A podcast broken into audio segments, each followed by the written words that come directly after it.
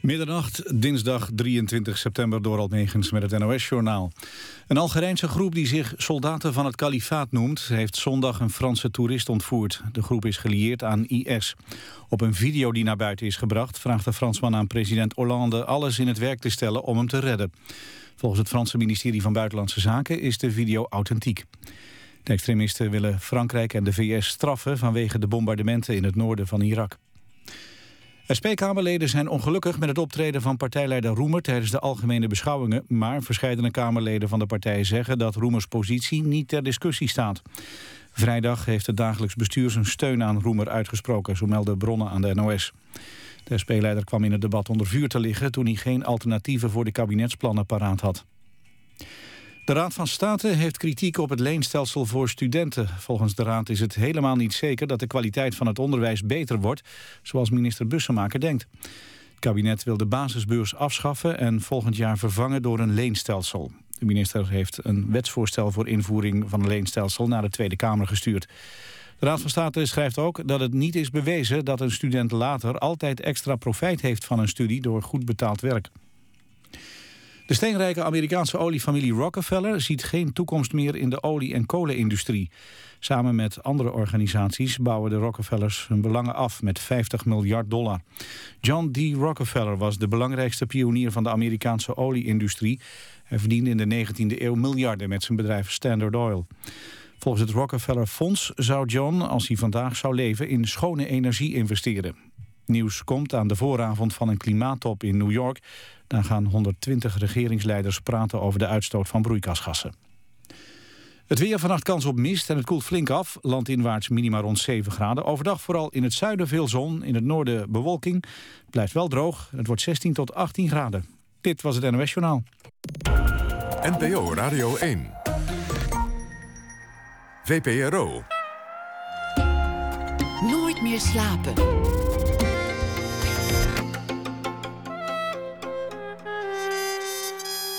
Met Pieter van der Wielen.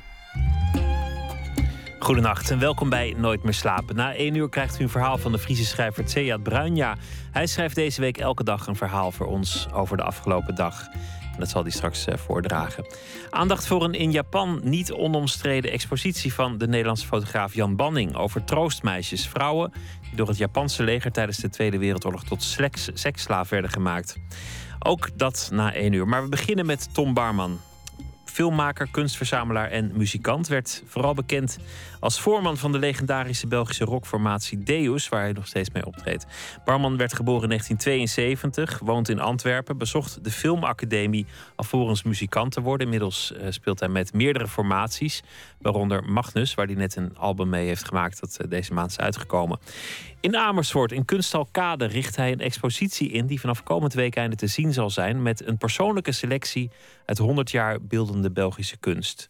De titel van de expositie De Vierkantigste Rechthoek. Welkom, eh, Tom Barman. Dank u. Wat een mooie titel. Waar komt die vandaan? Vierkantigste Rechthoek is een, uh, een schilderij van uh, Victor Severangs. een Belgische schilder van begin van de vorige eeuw.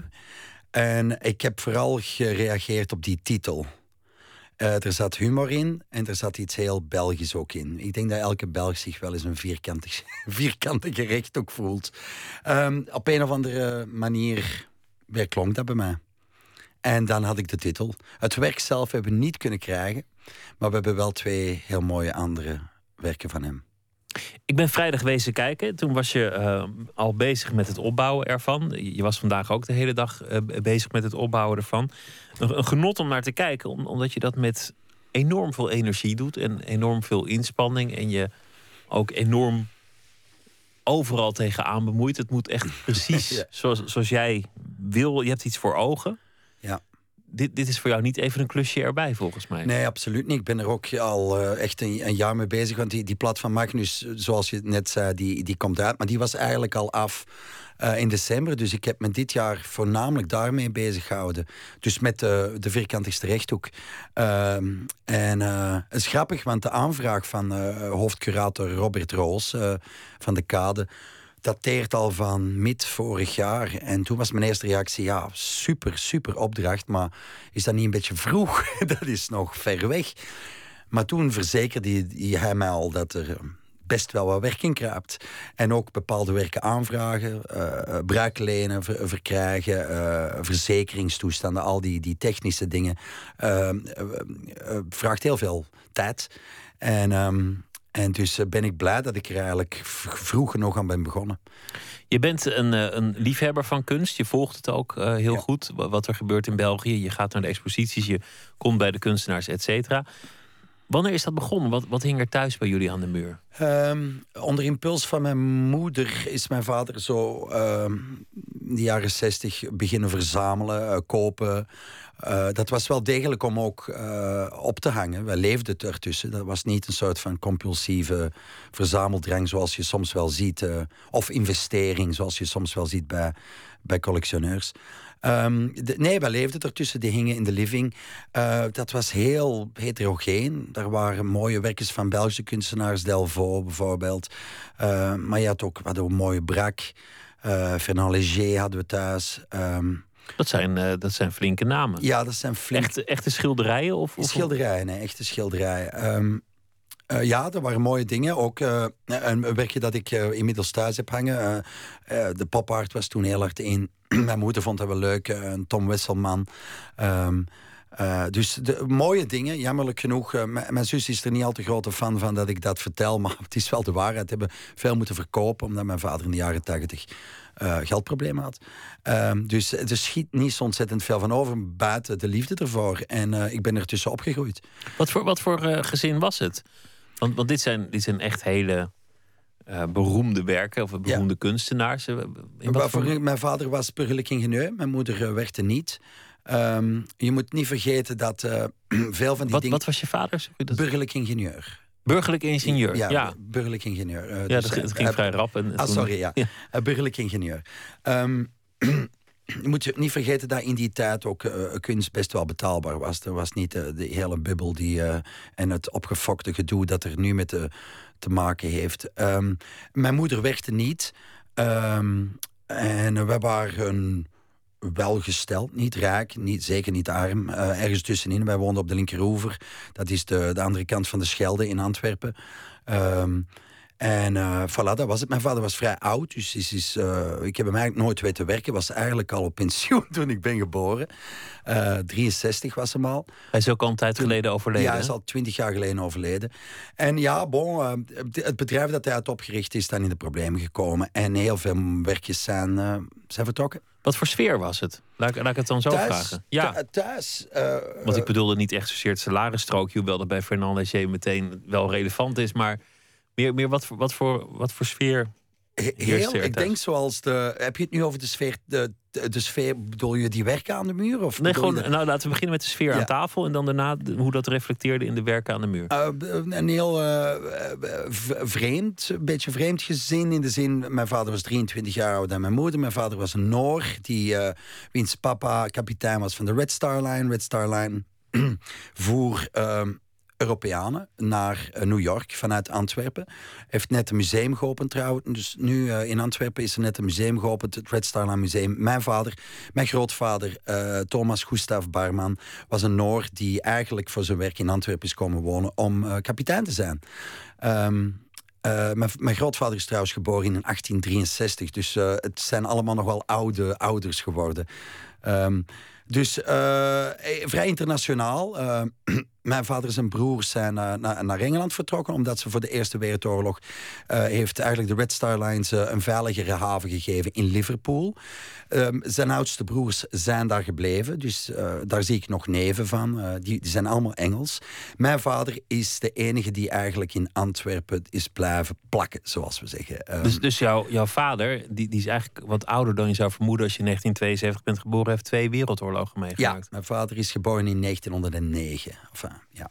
Dat is een, een, een, oude vader, zoals je al zei. Ja, een zeer oude vader, ja. En een jongere moeder. En een jongere moeder. Mijn moeder is van, die leeft nog, uh, die is van 32. Die is net... Maar de, de sfeer, hoe, hoe was jouw opvoeding? Heel streng of, of juist hmm. heel vrij? Uh, een combinatie van beide. Ik denk echt een, een, een, een prima. Ik, zou het woord perfect bijna willen gebruiken. Want ik, uh, ik pluk er nu de vruchten van. En als je wat ouder wordt, merk je dat. Um, streng. En bepaalde dingen konden echt niet, die dan bij jongere ouders wel konden. Ehm, maar maar, maar uh, ja, een soort van vertrouwen in wat de kinderen willen en wat de kinderen doen. Strenge school ook gegaan, dus daar werd veel opgevangen. Ik zat echt in een jongensschool, uniform, waar je nog geregeld werd gemapt door de paters. Um, dus dat werd wel, uh, daar werd het een en het ander opgevangen. Maar ik herinner me uh, vooral, een, ja, de, de, kunst was er sowieso, maar sport was ook belangrijk. Ik mocht sport doen, ik moest zelf sport doen. Je bent uh, zelfs jeugdkampioen squash geweest. Ja, dat, dat, dat was de eerste sport waar ik echt een, een soort van klik mee had. Ik heb geschermd. Uh, maar daar was ik niet agressief genoeg. Ik, ik, ik was veel te veel bezig met de houding en zo. En, en uh, ik werd omvergewalst door uh, andere jongens. Dus dat was geen succes. Squash, daar vond ik een beetje mijn, mijn ding in. en dus sport was belangrijk. muziek was aanwezig. Het, het, werd vrijgelaten, maar het werd op een allerzachtaardigste manier eigenlijk gestimuleerd wel. Maar als jij... Um met sport meteen kampioen wordt. En squash is een, vrij intensieve sport. Ja. Dat, dat zegt ook wel iets over jouw karakter. Eigenlijk ben jij volgens mij in, in heel veel dingen die je doet een soort sportman. Dat zou heel goed kunnen. Dat competitieve zit er wel in. En vooral uh, ja, het feit dat ik het schermen toen ik bleef verliezen heb opgegeven, zegt ook wel wat. Ja, dat, dat, dat zit erin. Mijn vader was ook een, een vrij goede tennisser. Mijn moeder heeft nog nooit een raket vastgehouden, bij mijn weten. Maar um, het zit een beetje in de familie langs de vaderskant ook, ja. Ja, dat klopt. Maar ik, we zijn thuis opgevoed met een soort van, uh, ja, even, ik zeg het, een internationale sfeer. De broers kwamen dan langs uit Engeland, de zussen zaten in Frankrijk of in Noorwegen. Um, het was vrij cosmopoliet, zonder dat er daar ja, druk werd er rond gedaan. Het was een, het normaliteit. En um, ja, wat, wat, sport betreft. Uh, ja, ik kan, ik, ik, ik kan het mijn moeder alleen maar aangeven dat ze dat, ze dat heeft uh, gestimuleerd. En dat, ik, ik pluk er nog altijd uh, de, de vruchten van. ik doe het nog en het is gewoon belangrijk. Toen je zei, ik, ik wil de filmacademie doen... en toen je later zei, ik stop met de filmacademie... en nu wordt het muziek... Hoe reageert je moeder? Hoe laat je moeder dan haar afkeuring blijken? Met, geen afkeuring, een gezond manfoutisme. Mijn moeder heeft altijd wel gezien van dat komt wel goed met die kerel. Laat hij maar wat doen. Ik wou trouwens heel snel uh, naar de filmschool op een 14, 15. Ik heb het ook gedaan. Om redenen van... Uh, ik heb gespiekt voor uh, mijn chemie-examen. Dat was een, een, vak dat twee jaar daarna volledig is afgevoerd. Um, maar um, mijn moeder had, heeft helemaal niet uh, uh, gereclameerd. Of, of, of, wat was het woord dat je gebruikte? Um, ze was helemaal niet. Ze dacht: oké, okay, hij wil film doen. Maar dan kwam die muziek erbij. En dan begon ik de wereld rond te reizen. En dan zag ze dat dat ook wel goed was. En voilà. Van het een in het ander. Is het, ik heb wel eens de indruk dat, dat je de muziek eigenlijk in bent ge, gestruikeld, zo'n beetje. Ja, dat is wel. Dat is wel. Want ik zou mezelf nu ook nooit echt uh, volmondig en mijn hand het op, op, het hart een muzikant kunnen noemen. Ik ben een liedjeschrijver. Ik, ik, ik hou graag van, het, van het, uh, het structureren en van de melodie. En ik, en ik, en ik beheers mijn instrument als begeleidend instrument vrij oké. Maar ik zou je nu niet op de piano of uh, de gitaar kunnen onderhouden. Um, ik ben dus een liedjeschrijver. Ik zag ook direct dat het, het, het, de gitaar als instrument, instru instrumentalist gebruiken niks voor mij was. Ik had er niet geduld voor. Maar erbij zingen en teksten en zorgen dat er direct een vorm, een format is. Drie minuten, een half, vier minuten. Dat was eigenlijk vrij snel beklonken. Dat is vaak um, mensen die bezig zijn met meerdere kunstvormen, film of, of, of beeldende kunst of, of, alles door elkaar. En die niet enorm geschoold zijn in een, in een instrument. Mm. Dat zijn vaak de vernieuwers in, in de popmuziek. Wat wel frustrerend is voor de, voor de mensen die het conservatorium acht keer hebben doorlopen. Maar vaak komen de revoluties uit een heel andere hoek. Ja, maar ik denk toen dat we begonnen dat er best wel iets, iets fris aan was. Uh, maar uh, dat zijn woorden die ik zeker niet zou durven gebruiken. Het was meer de combinatie van, van dingen. En ook het eclecticisme dat we hadden en dat we nog steeds hebben, hoop ik. Of op, uh, misschien uitzicht dat op andere manieren. Dus dat wil zeggen, eigenlijk, ja, we, we, we, haalden dingen uit de free jazz, we haalden dingen uit de New Yorkse scène, maar we waren evengoed beïnvloed door het Franse chanson. En dat is dan echt het voordeel van in België te leven. En dat, dat bedoel je met eclecticisme, dat je, dat je dus gewoon je niet aan een genre gebonden Ja, en ook de guilty pleasures kennen we niet. Wat is fout, wat is niet fout. Het doet er allemaal niet toe. Eh, een soort van onbevangenheid, een soort van gulzigheid naar invloeden... is misschien wel een Belgische, een Belgische eh, zenuwtik. misschien wel een Belgisch eigenschap. De kunstenaars die je hebt geselecteerd. Ik heb een aantal dingen al gezien. Daar lijkt een soort verband te zijn tussen wat zij doen op het doek en, en de manier waarop jij muziek maakt. Of het nou is met Magnus, je huidige formatie, of met, met Deus. Mhm. Er, er lijkt een soortzelfde bron te zijn waar jullie uit putten. Ik hoop het, want wij werken heel emotioneel en heel eh, direct.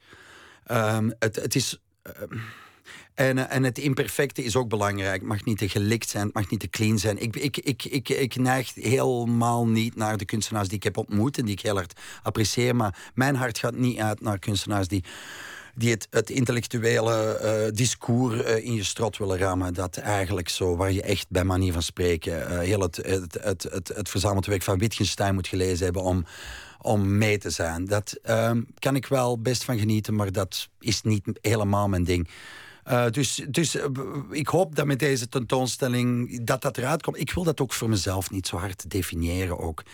Ehm, eh, wat dat nu precies is. Als andere mensen dat eruit halen, zou ik fijn vinden. Maar ik weet dat ook niet. Het moet ook een beetje mysterie voor mezelf blijven.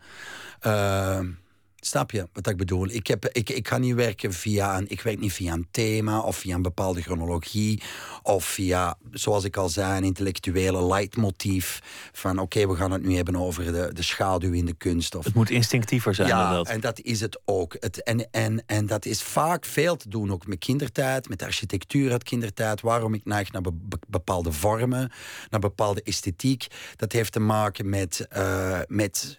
Er is een werk bijvoorbeeld van Michael... eh, eh, van de Nabelen, een Brussels kunstenaar. En dat is eh, eigenlijk een Sisyphus-werk, want het is een ezel die om de 20 seconden een eh, tennisbal in zijn oog krijgt. Ik moest ik heel hard met lachen, maar het is ook een mooi werkje. En, maar dat resoneerde weer met, met mijn film, waar eigenlijk in het begin van de film het hoofdpersonage een frisbee op zijn neus krijgt.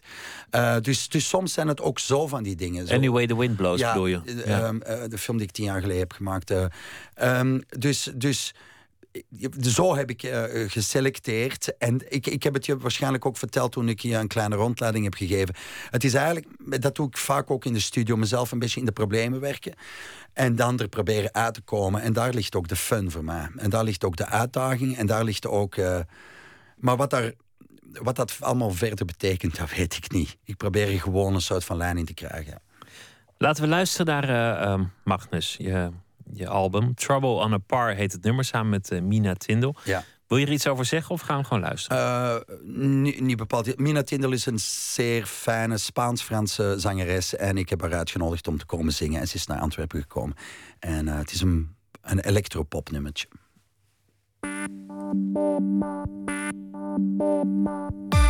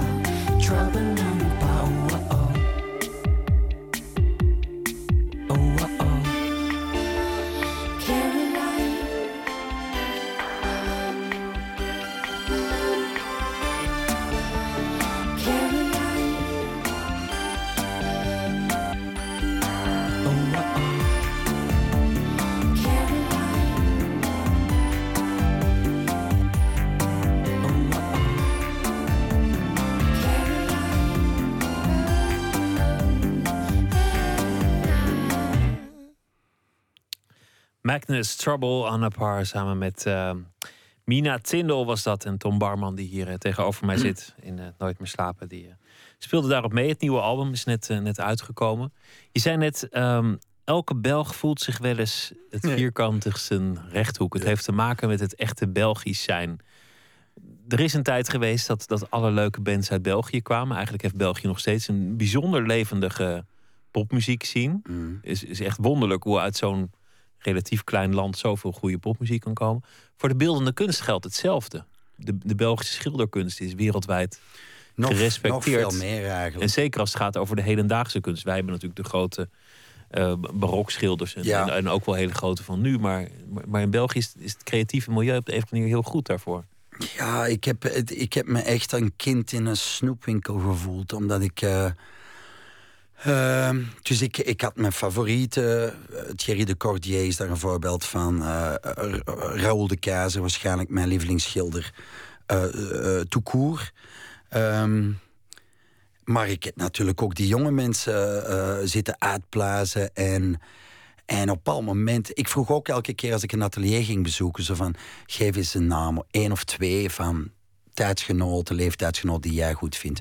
En op een moment begon ik echt te hopen van... ik hoop dat dit sukt, want het houden gewoon... Snap je, het, hield gewoon niet op. En, um, want ik heb natuurlijk maar beperkte ruimte. Um, nee, je, ik, ik weet het niet hoe het komt. Uh, er moet wel een kunst... Er moet een historische verklaring voor zijn. Maar het ik had nooit het gevoel, ik ben hier, uh, ik ben hier aan het, aan het chageren. Ik had altijd het gevoel, ik zit hier op een, op een niveau ik kan hier kiezen uit een niveau dat gewoon heel hoog ligt. En ik hoop dat dat uiteraard ook uh, blijkt uit, uh, uit de selectie die ik heb gemaakt en uit, uh, uit de ervaring van als je naar, naar de tentoonstelling gaat. Ja. En waarom voelt elke Belg zich wel eens een vierkantigste rechthoek? Ja, dat heeft met identiteit te maken. En ik heb het eigenlijk al. Ik ben er niet zo goed in in dat analyseren hoor, maar heeft met identiteit te maken. Heeft met, met Nederlander weet dat hij een Nederlander is. En eh, voilà, dat is het. Een Fransman heeft zijn geschiedenis en dat is het. En een Duitser ook. Ja, een Belg ligt toch net iets anders. Eh, we hebben de meertaligheid, we hebben de, de, eh, vrij jonge natie, we hebben, de, we hebben de politieke problemen, we hebben de volksaard, die soms nogal stroef en stil is. En ehm, uh, ik, ik, ik, ben, ik ben me ervan bewust dat het ook misschien ook uh, een soort van projectie is. Want ik kan me best voorstellen dat een paar Belgen zich, uh, zich nu in de haren aan krabben zijn. Zo, wat zegt hem allemaal? Maar ik heb er over de jaren veel over moeten spreken. Ik heb het ook gemerkt. België heeft, heeft, heeft niets exotisch. het, is, het wordt zo'n beetje voor granted genomen. Maar tegelijkertijd is dat ook een ongelooflijke sterkte. Men weet er eigenlijk niet zoveel van. En dat heb ik ook heel hard gemerkt toen we met deze doorbraken. Uh, in begin jaren negentig waren we echt... Niet alleen waren we een van de niet... De enige niet-Engelstalige of Amerikaanse uh, groepen op Reading of Glastonbury Festival. Maar uh, we waren dan ook nog eens België. Dus wij verstonden hun, zij verstonden ons niet. Uh, elke recensie zelf, al waren ze heel goed, moest beginnen met een sneer naar What have the Belgians ever done for us? En uh, a name ten famous Belgians. Ha, ha, ha, ha. En daar groei je mee op met dat soort van... Um, uh, en dan, een gevoel van minderwaardigheid ja, voor de Belg. Ja, maar dan word je wat ouder en dan zeg je, maar wacht eens. En ik denk dat heel veel veel Belgen dat, dat net in hun voordeel, kunstenaars, net in hun, je kan eigenlijk op een, uh, op een vrij onder de radar uh, groeien. En doordat we, die, doordat we die, dat eclecticisme dat we hebben, je moet niet vergeten, ehm, wat ik altijd heel belangrijk gevonden is iets wat bijvoorbeeld Nederland niet heeft, is dat contact met die Franstalige wereld. En dat is toch, hoe je het uit of keert, een hele rijke, rijke cultuur. En tegelijkertijd zijn we het niet, maar we leunen er wel dicht tegenaan. En dan maar we leunen ook dicht bij jullie aan. En die Duitsers zitten ook vlakbij. En ik heb altijd dat gezien als een, dat sandwichgevoel. als een extreme rijkdom. En dat, moet je, en dat zie je aan de kunstenaars die ik selecteer. Dat voel je als je ermee spreekt. Uh, ik, ik zeg het ook ergens in mijn intentieverklaring. Uh, we zijn geen schrijvers, maar we laten niet over ons heen lopen. Er is een, er is een Raoul de Keizer, een van mijn favoriete schilders, ik heb het al gezegd. Is daar het type voorbeeld van. Is een ongelooflijke, zachtaardige, verleiderlijke schilder. Maar in, in de benadering van zijn werk zit zo'n steenezelkoppigheid. En zo een, een soort van obsessie. Ja, daar val ik voor. En dat is denk ik typisch Vlaams, typisch Belgisch. Weinig politieke werken. Dat, dat viel op. De, de het zou verleidelijk zijn als je in Nederland iets over België doet. En met alles wat er de laatste jaren is, is gebeurd. Van, uh, van, uh, van Halle Vilvoorde tot, uh, tot Vlaams Belang. Tot, nou ja, noem maar op. Ja, Alle, ik, het komt hier ook in het nieuws. Ik hou niet. Luc Tuymans, ook een deelnemend kunstenaar, zei het onlaatst. Politieke kunst bestaat niet, is propaganda. Nu, dat is misschien een beetje kort door de bocht. Maar, um, of hij zegt politieke kunst is propaganda, dus, bij, dus per definitie oninteressant. Um, zo fel zou ik het niet stellen. Ik ben gewoon niet zo'n politiek persoon in die zin. En ik heb ook geen zin om een les te krijgen. Ten zijn schoonheid. Ik heb geen zin om, om met de vinger gewezen te worden. Ik heb geen zin om, uh, oh wat is het hier erg. En kijk nu naar mijn kunstwerk en dat gaat je op andere ideeën brengen. Dat geloof ik niet in. Ik zag één, één werk, dat was een, een, een Belgische vlag die faal was geworden. Ja, dat is nu het enige dat er... Maar dat is ook esthetisch heel mooi. En ook weer heel typisch, ja, dat is eh, van, ook weer wederom van Michael van den Abelen. En dat is eigenlijk, heeft hij dus in, in de officiële vlaggenfabriek, uh, waar dus de geseponeerde, laten we zeggen, de, de echte vlaggen worden gemaakt, heeft hij een vlag besteld. Pardon. Maar heeft hij dat, laten, heeft dat in, een, in een product gewikkeld waar eigenlijk dus het, eh, wat is het, geel, rood en zwart, um, heeft hij eigenlijk helemaal laten afbleken. Zodanig dat je... Hij heeft dat ook gemaakt, dat werk, tijdens de zoveelste communautaire, uh, communautaire troubles dat we hebben gehad. Dus dat zou je politiek kunnen noemen. Maar, maar er zit ook een humor in. Het is, uh, um, en het is ook een mooi werk. Uh, kijk, dat soort van politieke geladenheid in uh, tussen aanhalingstekens vind ik dan weer wel fijn. Maar vanaf dat het echt. Vaak is politiek ook. Uh, wordt ook. Het, sommige kunstenaars willen zich daardoor ook een serieus aanmeten. Uh, van kijk eens, ik ben maar, toch. Maar propagandakunst is, is over het algemeen dodelijk saai, toch? Ja, in de regel. Voilà, dat is basically wat Tuinman zegt, ja. Je bent uh, jong sporter geworden, je bent de muziek ingestruikeld. En toen werd Deus een van de meest succesvolle uh, bands van zijn tijd. Het is een succes dat al heel lang voortduurt. Het creatieve proces is altijd in gang gebleven. In, in wat voor circus beland je dan eigenlijk? Want jullie waren relatief jong. Ja. En jullie hadden niet echt voor elkaar gekozen, want jullie zaten ineens in een tourbus. Ja. En, en dan, dan ga je van, van Engeland naar Amerika, naar Frankrijk, naar Nederland. En Jullie kregen er ook geen genoeg van. Dus jullie namen niet een heel rustig tourschema met, nee, maar met veel is, uitslapen. Ja, uh, ik doe het nog altijd heel graag hoor. Dus dat was eigenlijk uh, op mijn lijf gegoten. Um, ik heb het ook altijd gezien als een ticket om de wereld te zien. Um, ik herinner me. Uh, als, ik, als, ik, als ik echt jong was, in mijn, in mijn tienerjaren, dat ik vaak ook, ja, uiteraard veel naar muziek luisterde, maar ook die muziekmagazines las of naar die documentaires keek. En meer nog dan, hey, kijk, de privéjet of de limousine of zo. Was altijd mijn, mijn idee en dat, de vraag die ik me stelde... Als, ik, als je dan een Mick Jagger of een Jimmy Page zag, zo van... Waar hebben die allemaal gezeten? Waar, welke plekken hebben die allemaal bezocht? Wie hebben die allemaal ontmoet? Dat vond ik nog meer dan de bling die er rondhangt. Of uh, de, de groepjes of zo, vond ik, vond ik. En heb ik nog altijd, ik, ik zag altijd deze als een, een ticket naar de wereld. En dat is ook niet heel de wereld, maar toch wel een groot deel. Maar het vervreemdt ook, denk ik, het reis. Omdat je ja, elke maar zo dag... succesvol waren we dan ook weer niet. Dat we, bedoel, die privéjets is er nooit van gekomen. Nee, dat, dat, dat, weet ik. Maar, maar omdat je toch elke avond nieuwe mensen ontmoet die weer zullen verdwijnen. En ja, pas maar, het jaar erop weer terugkomen. Ja, maar dat hoort toch ook bij twintigers zijn. Dat moet je toch meegemaakt hebben. Uh, uh, ja, ja, maar nu nog is het soms. Uh, we hebben onlaatst voor de eerste keer in Bonafide Oost-Europa-tour gedaan, die superleuk was. En daar waren we letterlijk op 13 dagen, 13 dagen, elke dag in een ander land.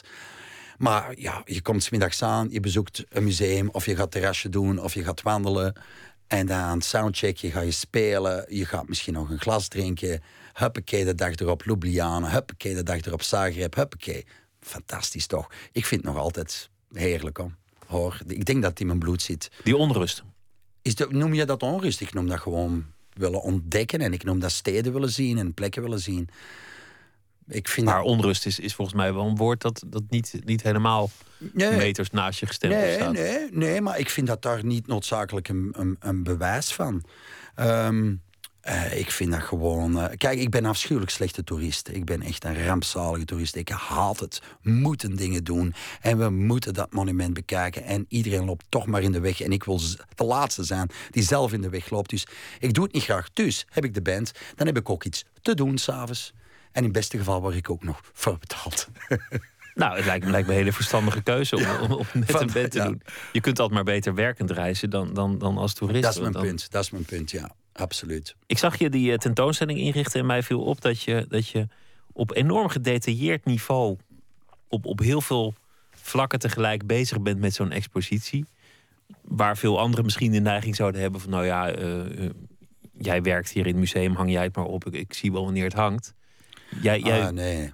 Bent eigenlijk in, in dat opzicht een regisseur die zich met ieder detail wil bemoeien. Ik denk ook, iemand vroeg het dan daar straks en ik denk dat dat ermee te maken heeft. Ik heb, oké, ik heb nog maar één film gemaakt, ik werk aan een volgende. Dus ik ga je niet de regisseur, de grote regisseur uithangen. Maar, maar bon, de decorbouw zit daarin. En dat beeld dat jij maakt, dat jij creëert, eh, dat moet kloppen. En ik denk dat daar eh, dat sowieso zeer zeker vandaan komt. En het is echt helemaal mijn stijl niet om dat uit te besteden. Robert Roos heeft dat aan mij gevraagd. En ik heb het, een van de eerste dingen dat ik tegen hem heb gezegd... ja, eh, de, de fun bit, echt, eh, lijkt me het opstel zelf. Ik wil echt mijn handen vuil maken en, eh, en, eh, en, mijn- en mijn hemdmouwen opstro- opstroop. En dat ben ik aan het doen. En het is ook een van de leukste aspecten ervan. Maar bon, ehm, eh, ik ben de gastcurator, dus, dus de mensen gaan er binnenkomen. De fysieke realiteit, hangt het links of rechts, is gewoon heel belangrijk. Maar ze hebben, ze hebben dat- daar, denk ik, bij, bij, bij de kade in Amersfoort ook wel een soort wervelwind in huis gehaald. Dat, Ja. dat moet ze wel verbaasd hebben. Uh, ik hoop het. Of uh, ik, ik weet het niet. Ik kan me dat niet zelf niet anders voorstellen. Uh, ik zou. Dat is hoe ik in elkaar zit. En ik denk dat Robert dat wel wist. En het verloopt tot nog heel goed. Maar ik sleur mee en ik, en ik, en ik pak uit. En natuurlijk. Kan, kan iedereen jou, jou bijhouden? Of, of nou gaat om, om in je eigen leven, in, in de liefde of, of in de band, andere muzikanten? Het, het lijkt me moeilijk om jou bij te houden. Het is nu gewoon even een heel schizofrene uh, paar maanden. Dus de, de, nu de laatste tijd is het wel wat moeilijk. Maar over het algemeen ze kennen ze me. Dus uh, ja hoor, gerust wel. En ik, ik, ik zit soms ook echt op het strand hoor. Uh, het is ik, niet altijd nee, zo. En ik, en ik kan extreem genieten van, uh, van uren met de krant op het terrasje te zitten in het zuiden met een glas wijn. En, um, en uh, dus, dus het is, ik ben workaholic. ik wil het niet geweten hebben, want ik ben dat niet. Maar ik, ik, ik, ik hou van verschillende dingen doen. En dit is eigenlijk een beetje een droom die uitkomt, wat ik nu aan het doen ben voor de vierkantigste rechthoek. Ik ben ervan aan het genieten. Maar als het creatieve proces eenmaal stroomt. Ik heb, ik heb ook een film gezien die, die uh, gemaakt is over Deus in de Ja. tijd. Een cameraman die echt op jouw huid Ja. meereisde. Nou, en die, die kiest natuurlijk ook de, de, de sappigste stukjes eruit. Mhm. Dat zou ik ook doen als ik documentaire maker was. Tuurlijk. Jij ook. maar maar daarin, daarin was dat toch ook wat te zien. Dat, dat, dat, er, dat als, het, als het eenmaal stroomt, dat, dat jouw energie flink groot is. En dat, dat anderen daar nog wel eens voor terugdeinzen. Ja, uh, ja, dat is. Maar wat moet ik daaraan doen? Dus sommigen hebben het daar moeilijk mee. Sommigen zijn er door uh, overdonderd of vinden het doodvermoeiend. Ik vind het soms ook wel doodvermoeiend. Maar ja, bon, het is nu eenmaal zo. Um, uh, ik weet niet uh, van waar het komt.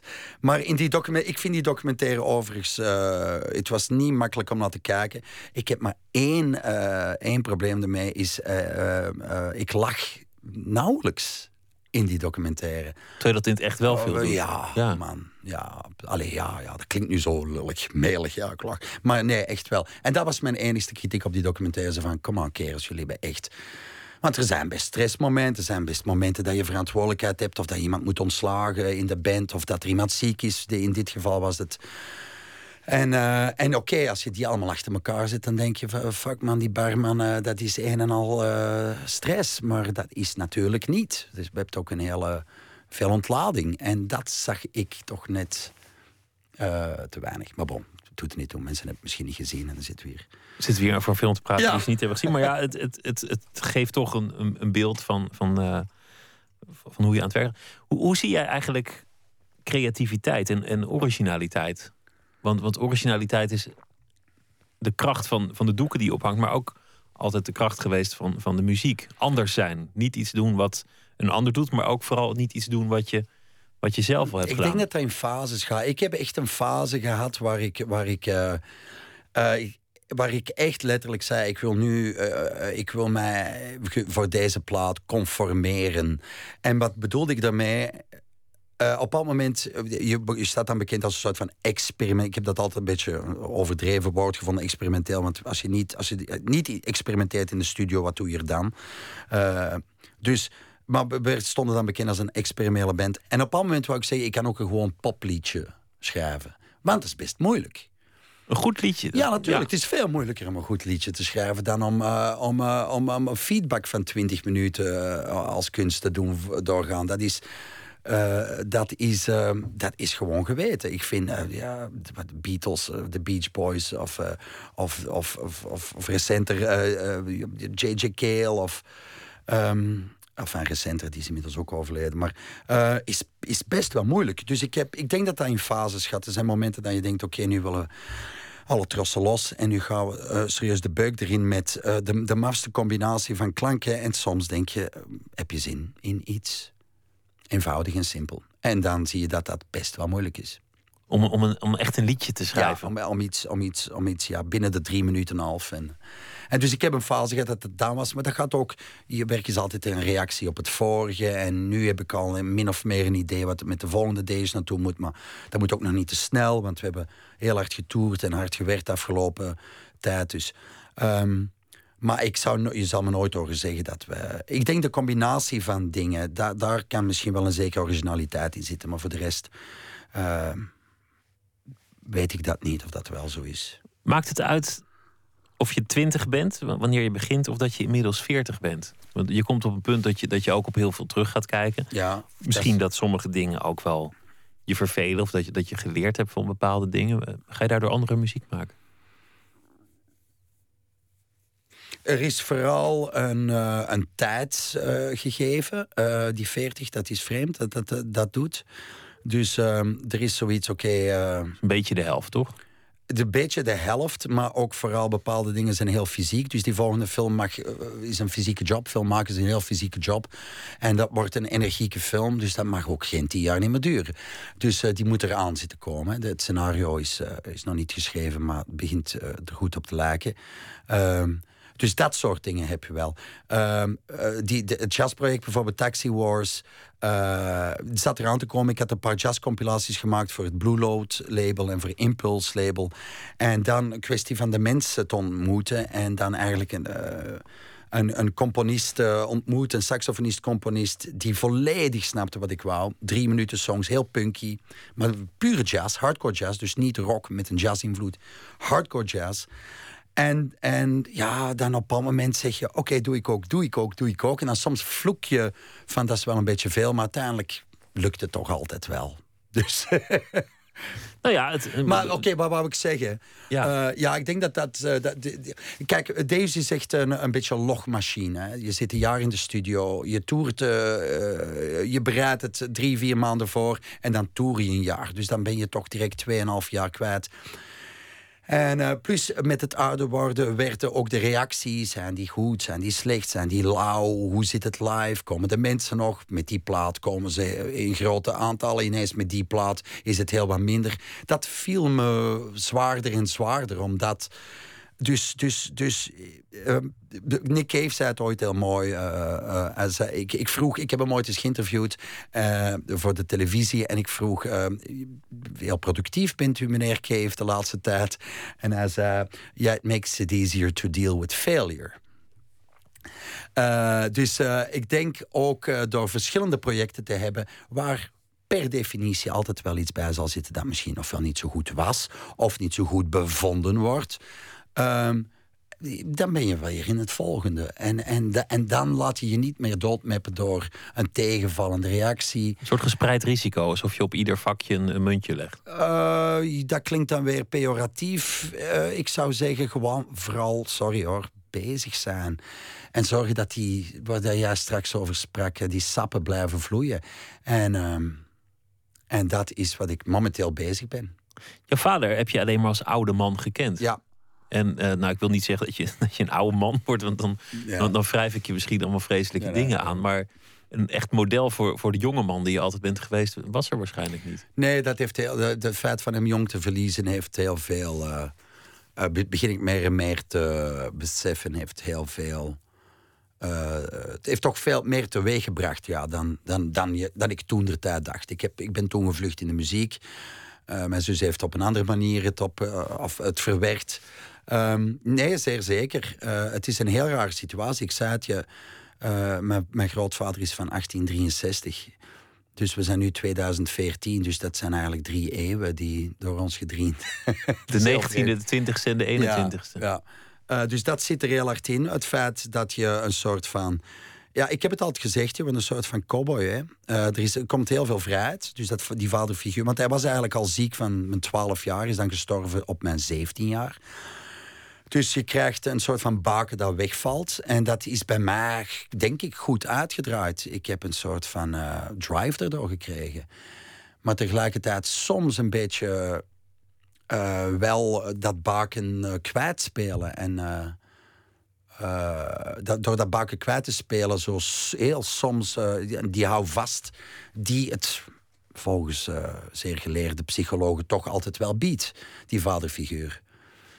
Dus dat heeft je in die zin ja. een beetje losgeslagen. Ja, losgeslagen. Maar ik denk in de goede manier. Niet, niet eh, hopeloze drugsverslavingen en foute toestanden. In een goede manier.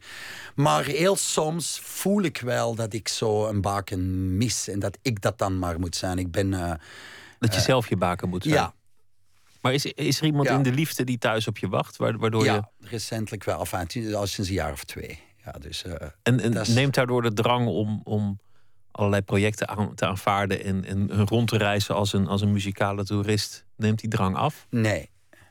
Bij haar wel. Bij haar wel. Nee, in de zin van, eh, ik weet het niet. Ik heb haar leren kennen in een periode dat ik vrij veel thuis was. Ehm, sowieso toeren zoals in de jaren negentig of zelfs eh, nog recentelijk zit er vooralsnog niet in.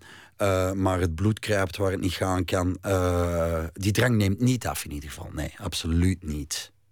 Dat is goed om te horen, omdat bij veel mannen als ze de liefde vinden, is alsof je de stop uit het bad trekt. Dan zie je alle energie een beetje. Ja, maar ik moet ook opletten. Ik ben hier op de publieke omroep. Misschien luistert ze. Ik moet ook opletten wat ik zeg. Ook Grapje, grapje. Ehm, eh, nee, zij weet dat. Zij weet dat, dat dat niet afneemt. En dat ik een... eh, Het hoort bij jou, dat, Ja, dat moet je ook hard, ja. Heel hard, ja. We gaan luisteren naar, eh, naar Deus, een, een erg mooi nummer uit eh, 2005. Nothing Really Ends.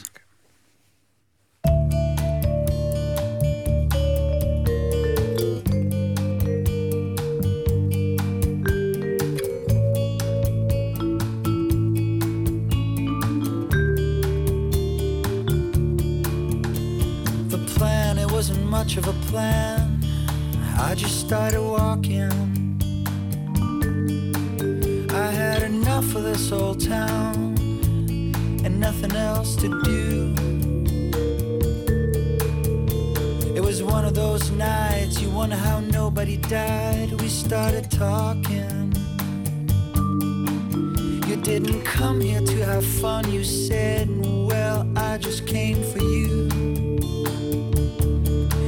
Do you still love me? Do you feel the same? Do I have a chance of doing that old dance with someone I've been pushing away? And touch, we touch the soul, the very soul, the soul of what we were then. With the old schemes of shattered dreams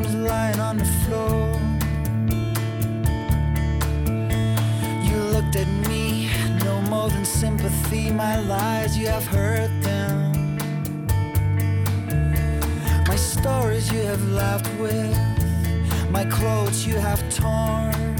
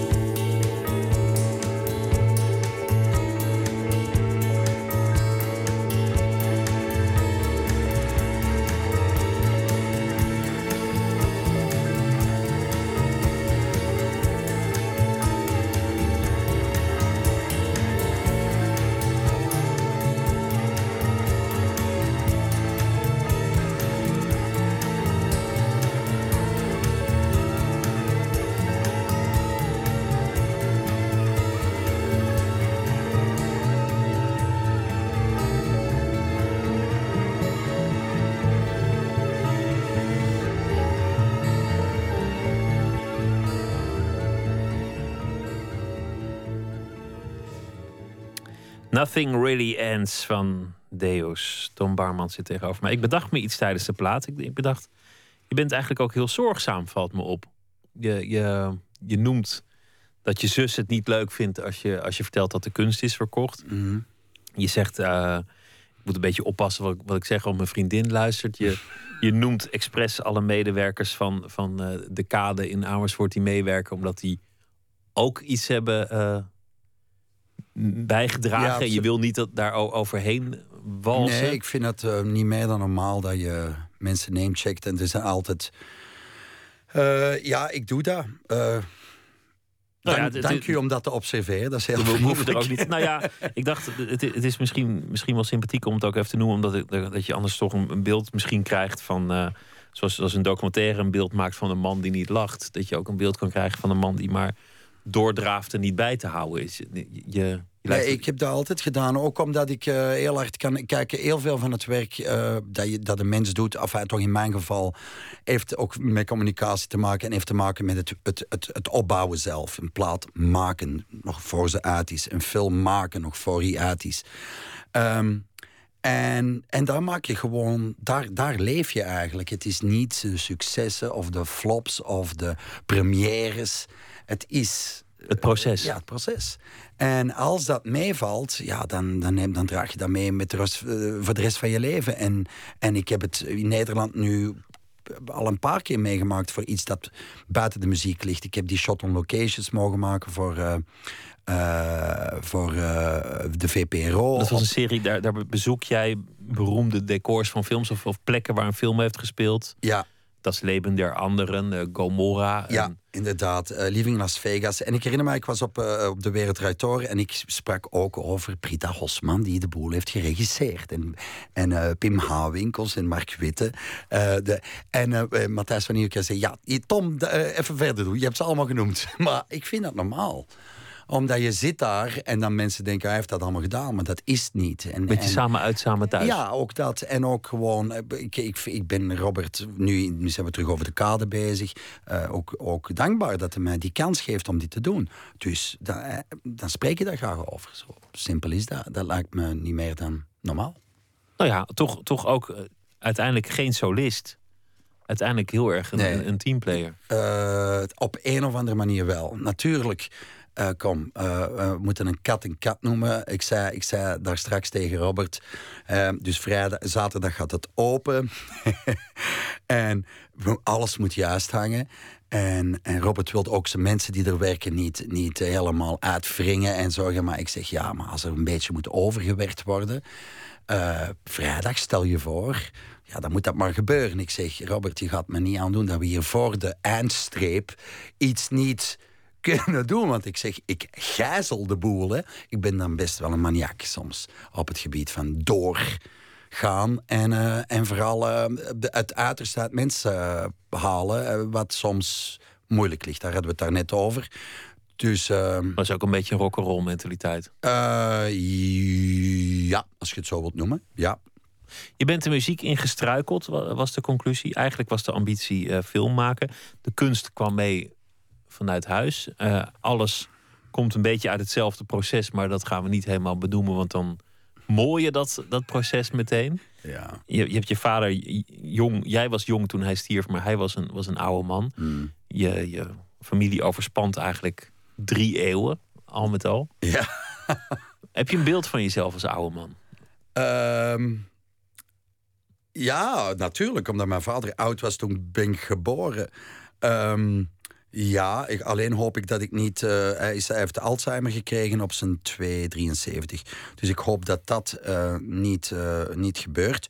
Maar ehm, ik herinner mij toch vooral een joviale, sociale mens. Dus als de papa het, het, het, het voorbeeld is, dan zit dat wel snor denk ik. Ik doe natuurlijk wel iets helemaal anders dan hij. Want burgerlijk ingenieur, hij, hij, hij, zette grote gebouwen neer. Of al, de, hij was gespecialiseerd, gespecialiseerd in de elektronica. Dus eh, grote elektriciteitsinstallaties over grote gebouwen. Dat heeft echt werkelijk niks te maken met wat ik doe.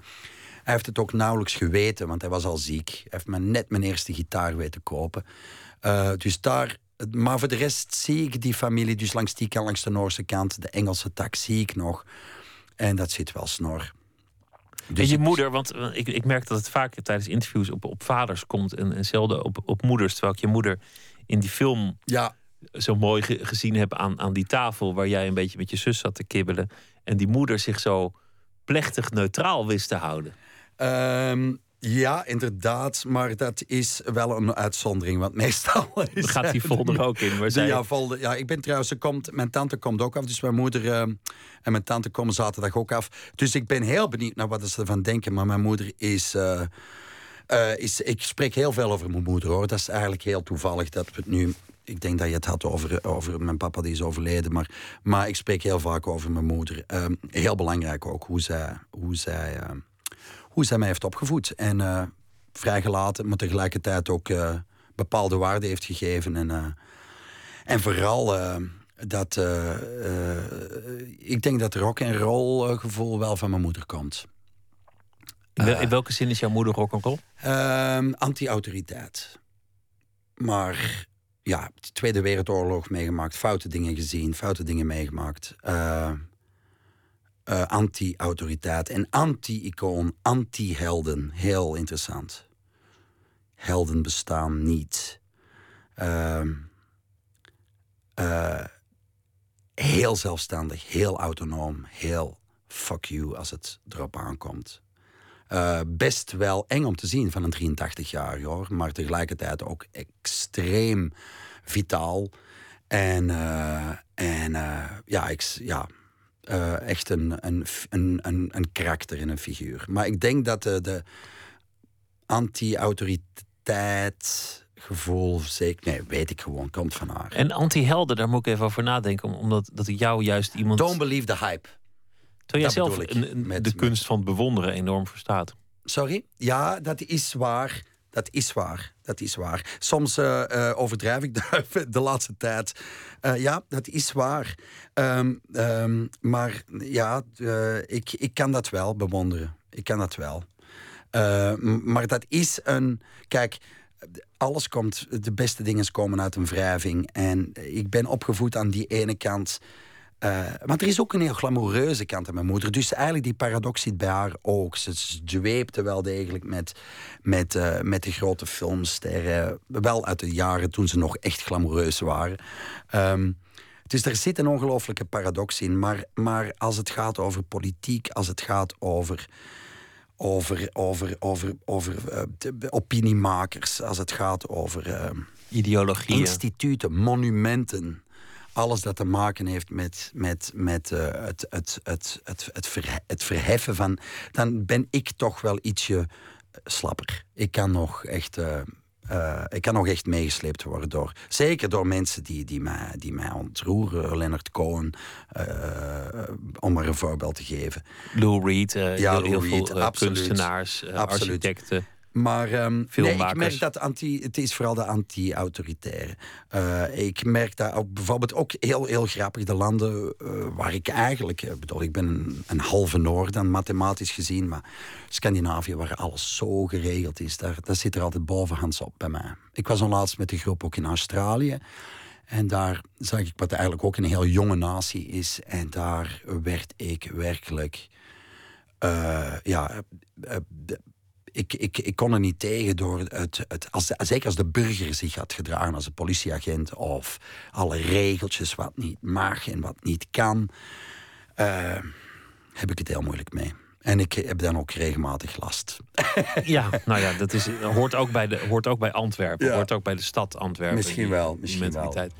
Vanaf uh, komend weekend is het te zien in uh, Kunsthal Kade in Amersfoort het vierkantigste rechthoek. Ja. Uh, de vierkantigste, sorry. De vierkantigste. Nee, geen N. De vierkantigste rechthoek. Juist, bijvoeglijk naamwoord, natuurlijk. Ja, ja sorry.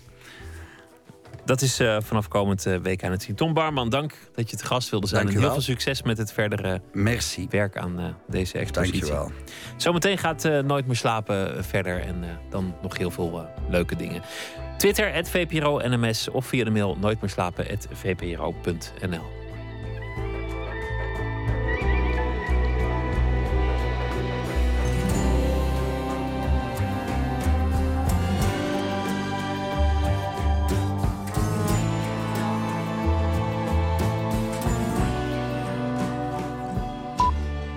Radio 1. Het nieuws van alle Door met het NOS-journaal. Het bedrijf dat fors investeert in de Eemshaven... is mogelijk toch niet computergigant Apple. Gisteren meldde het ANP dat Apple er een datacentrum... van meer dan 40 hectare gaat bouwen.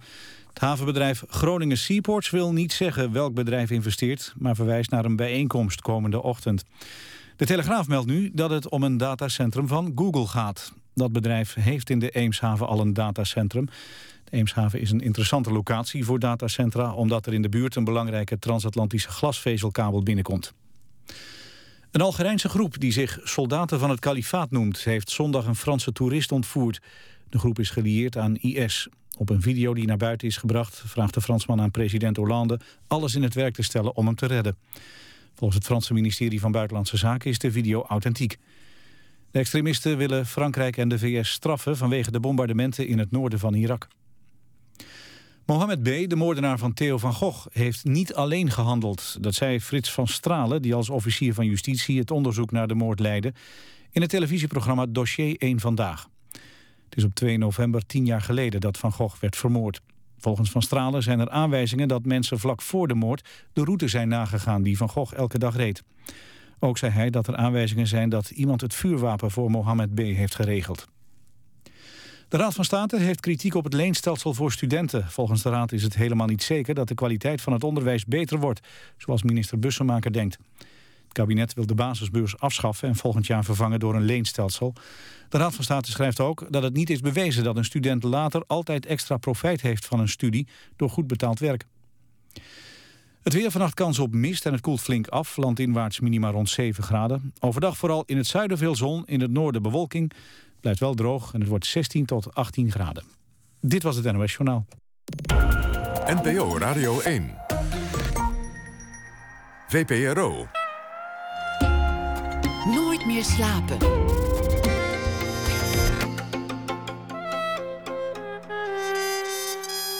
Met Pieter van der Wielen. U luistert naar Nooit meer slapen. We beginnen dit tweede uur met een schrijver. De opdracht is: schrijf elke dag een fictief verhaal bij uh, wat er de afgelopen dag is gebeurd in je leven of in de wereld of in het nieuws. Tseyat Bruinja is uh, Friestalig schrijver, debuteerde in 2000 met een bundel, De Wiesers in het Reet. De wijzers in het rood. Sorry voor mijn Friese uitspraak, uh, luisteraars in het noorden. Zijn Nederlandstalige debuut volgde drie jaar later. De bundel Dat het zo hoorde. En zijn meest recente bundels zijn Angel en Overwoekerd. Goedenacht, Tseyat. Goedenacht. Ja, ja, wat was het voor dag eigenlijk? Ja, het was weer een beetje een IS-dag, geloof ik, hè? Wat voor dag? Een IS. Oh, een ja. ISIS-dag. Ja, ja, ja, ja, ja, tuurlijk. Daar kom, kom, je niet helemaal aan. Ja, hoewel um, om, om, een dag nou als een IS-dag te bestempelen... dan heb je ook geen leuke dag gehad, toch? Uh, nee. Nee, maar moet dat dan? Moet je dan de andere kant op kijken en uh, nou, zo niet altijd, vind ik. Nee, oké. Okay. Ja, goed. Maar, dus, uh, nee, dat is waar. Uh, maar ik denk goed, altijd... dat wil niet zeggen dat je, dat je daar niet tussen, leuke dingen tussendoor kunt doen of, of kunt meemaken. Nee, dat wilde ik net zeggen. Je kunt toch zeggen, slechte dag voor de wereld, mooie dag voor Van der Wielen. Of voor, voor Bruinja. nee, ik heb een goede standpad gehad, dus dat, verder geen klachten. Goed, wat heeft jou bezig gehouden? Um, uh, dit is, en uh, daar heb ik een, uh, ik heb geen verhaal, maar een gedicht gemaakt. Um, en, maar het begon eigenlijk met vanochtend een, maar misschien moet ik eerst het gedicht voorlezen. Oké, okay, ja. Want anders dan ga ik allerlei dingen, allerlei aanleidingen noemen en dan pas het gedicht voor. en dan hebben mensen het allemaal door. Ga je gang. Wat je met een stad kunt doen. Er bestaat een Afrikaans volk dat gelooft dat iedere mens geboren wordt als goed mens. Als goed mens met simpele verlangens. Verlangend naar veiligheid, liefde, vrede, geluk. Een stad wordt eerst een paar dagen gebombardeerd, daarna worden er zelfmoordenaars op afgestuurd. Wanneer? Er bestaat een volk dat gelooft dat ieder mens geboren wordt als goed mens. Wanneer? Wanneer? Iemand iets verkeerds doet, nemen ze die man mee, nemen ze die vrouw mee naar het midden van de stad. Stam eromheen. Twee dagen lang noemen ze alle goede dingen die hij of zij gedaan heeft. Een stad wordt eerst een paar dagen gebombardeerd. Karretjes werden door Hethieten al gebruikt als wapens. Om hun vijanden mee te rammen in volle vaart. De dichter is geen historicus. De dichter is de conciërge van de tijd. Wanneer? Wanneer? Wanneer iemand iets verkeerds doet, nemen ze die man of vrouw mee. Twee dagen lang noemen ze alle goede dingen die hij of zij gedaan heeft. Zodat de verbinding met hun ware aard weer tot stand komt om hen te herinneren aan wie ze zijn. Wanneer, wanneer, wanneer ze inzien waar ze van losgeraakt zijn, roepen ze, ik ben goed, ik ben goed. Een stad wordt eerst een paar dagen gebombardeerd, totdat, wanneer, in de middeleeuwen alleen de Arabieren van Chinezen de slingerarm. Geen potten met buskruid, maar aan ziektes overleden dieren werden de vestingmuren overgekatapulteerd. Ik wil niemand op ideeën brengen, goede Abu, ik ben historicus niet. Ik ben de conciërge van je tijd. Dat was het. Zo. Die, uh, die moet ik even rustig op me in laten werken. Ja. Dat, dat heb je soms met... met uh... Nou, het is wel grappig, want terwijl ik het voorlas, omdat ik het al geschreven heb, kan ik dan ook nog een beetje nadenken. En toen dacht ik, ja, wat heb ik meegemaakt vandaag? Um, nou, onder andere heb ik geluisterd naar die plaat van Magnus. Omdat ik wist dat Tom Barman bij jullie te gast was. En dat is een van de inspiratiebronnen eigenlijk. Want hij, in een van de liedjes die plaat, roept hij op een gegeven moment... The poet is the janitor of our time. Uh, dus de, de dichter is de conciërge van uh, onze tijd. En, en, en, in welke zin is de dichter de conciërge van, van deze tijd? Als een soort, uh, nou, in, in die zin, het, het, bleef bij mij hangen, omdat Allen Ginsberg, de bekende dichter, ooit zei van dat, dat de, de dichter een historicus is. Dus iemand die alles vastlegt, die alles bewaart. En als je dan de, daar de conciërge van maakt, dan is het, en mijn vader was conciërge vroeger, uh, dan uh, dat is een heel ander beeld. Dus van iemand die, uh, ja, mijn vader die was van, die moest de school schoonmaken en in de pauze koekjes verkopen. Ja, en daar moest je een briefje halen als je te laat was. Nou, precies. Dus het is veel um, platter of zo. Dan, ja, dan precies. en dan maak je het, het iets banalers. Je maakt het niet tot, tot een soort verheven taak maar je maakt het gewoon uh, een soort klusjesman. De, ja, de dat vind ik, dat vind ik uh, wel leuk om te doen uh, met het gedicht. Dus ja, dat... dat... was een van de inspiratiebronnen. Een van de dingen die ik vandaag heb meegemaakt. Um, en het andere was er vanochtend deel iemand een tekst over een Afrikaans volk. Dat dus, zodra die, die, zij geloven dat dat volk gelooft dat iedereen goed geboren is. En uh, wanneer iemand dan iets verkeerds doet of iemand pijn doet, dan moet hij in een soort midden in de kring staan. En dan staan ze eromheen en dan noemen ze alle goede dingen op um, die die persoon heeft gedaan in zijn leven. Twee dagen lang, totdat hij, zegt, uh, totdat hij zich beseft dat hij goed is. En dan zegt hij, ik ben goed. Dat is grappig, dat is precies het tegenovergestelde van, van ons beeld in onze samenleving. Als iemand iets slechts doet, dan noemen we uh, een week lang, als het een beetje proces is, alle slechte dingen die hij heeft gedaan op. Ja. Die leggen we dan in een lijvig dossier vast en op een, op een strafblad. En dan moet het nog een keer herhalen hoe slecht je bent geweest. Ja, precies. Dus dan zou je in deze filosofie dat benadrukken en het daarmee alleen maar erger maken. ja, je zou eigenlijk een Mohammed B. heen moeten gaan staan. En, uh, ik weet niet, misschien heeft hij uh, hele aardige dingen gedaan voor zijn zusje of zo. Zijn zusje had, weet ik niet. Ja, maar dat ja, het heeft toch ook iets heel onrechtvaardigs voor de, voor de nabestaanden. Dan, dan krijgt iemand allemaal complimenten en veren in zijn reet... omdat hij iets gemeens heeft gedaan. Ja, maar misschien is er een soort balans tussen die twee mogelijk. Eerst al het slechte en dan, dan een soort reinigend ritueel en dan al het goede. Ja. Ja, je moet niet helemaal plat maken. Nee, dat is waar. Maar je moet ook nog maatschappelijk draagvlak creëren voor dergelijke verlichte maatregelen. Ja, ik ben kunstenaar, dus daar hoef ik helemaal niks Nee, en de sfeer in het land is toch meer dat iedereen gewoon uh, de kop eraf gaat. Dus, uh... Ja, precies. Oh ja, daar hoef ik niet om mee te gaan, gelukkig. Ik ook niet. Seat, dankjewel. Een hele goede nacht. En um, morgen weer een verhaal. Dankjewel. Okay, Goeiedag. Een jaar lang speelde hij huiskamerconcerten. Dat zijn uh, optredens uh, ja, gewoon bij mensen thuis in de huiskamer. En dat is uh, dichtbij en intiem. En dat werd ook de inspiratie voor een nieuw album. Dat intieme dichtbij je geluid. Luister naar It Won't Be Long van Sean Rowe van zijn nieuwe album Madman.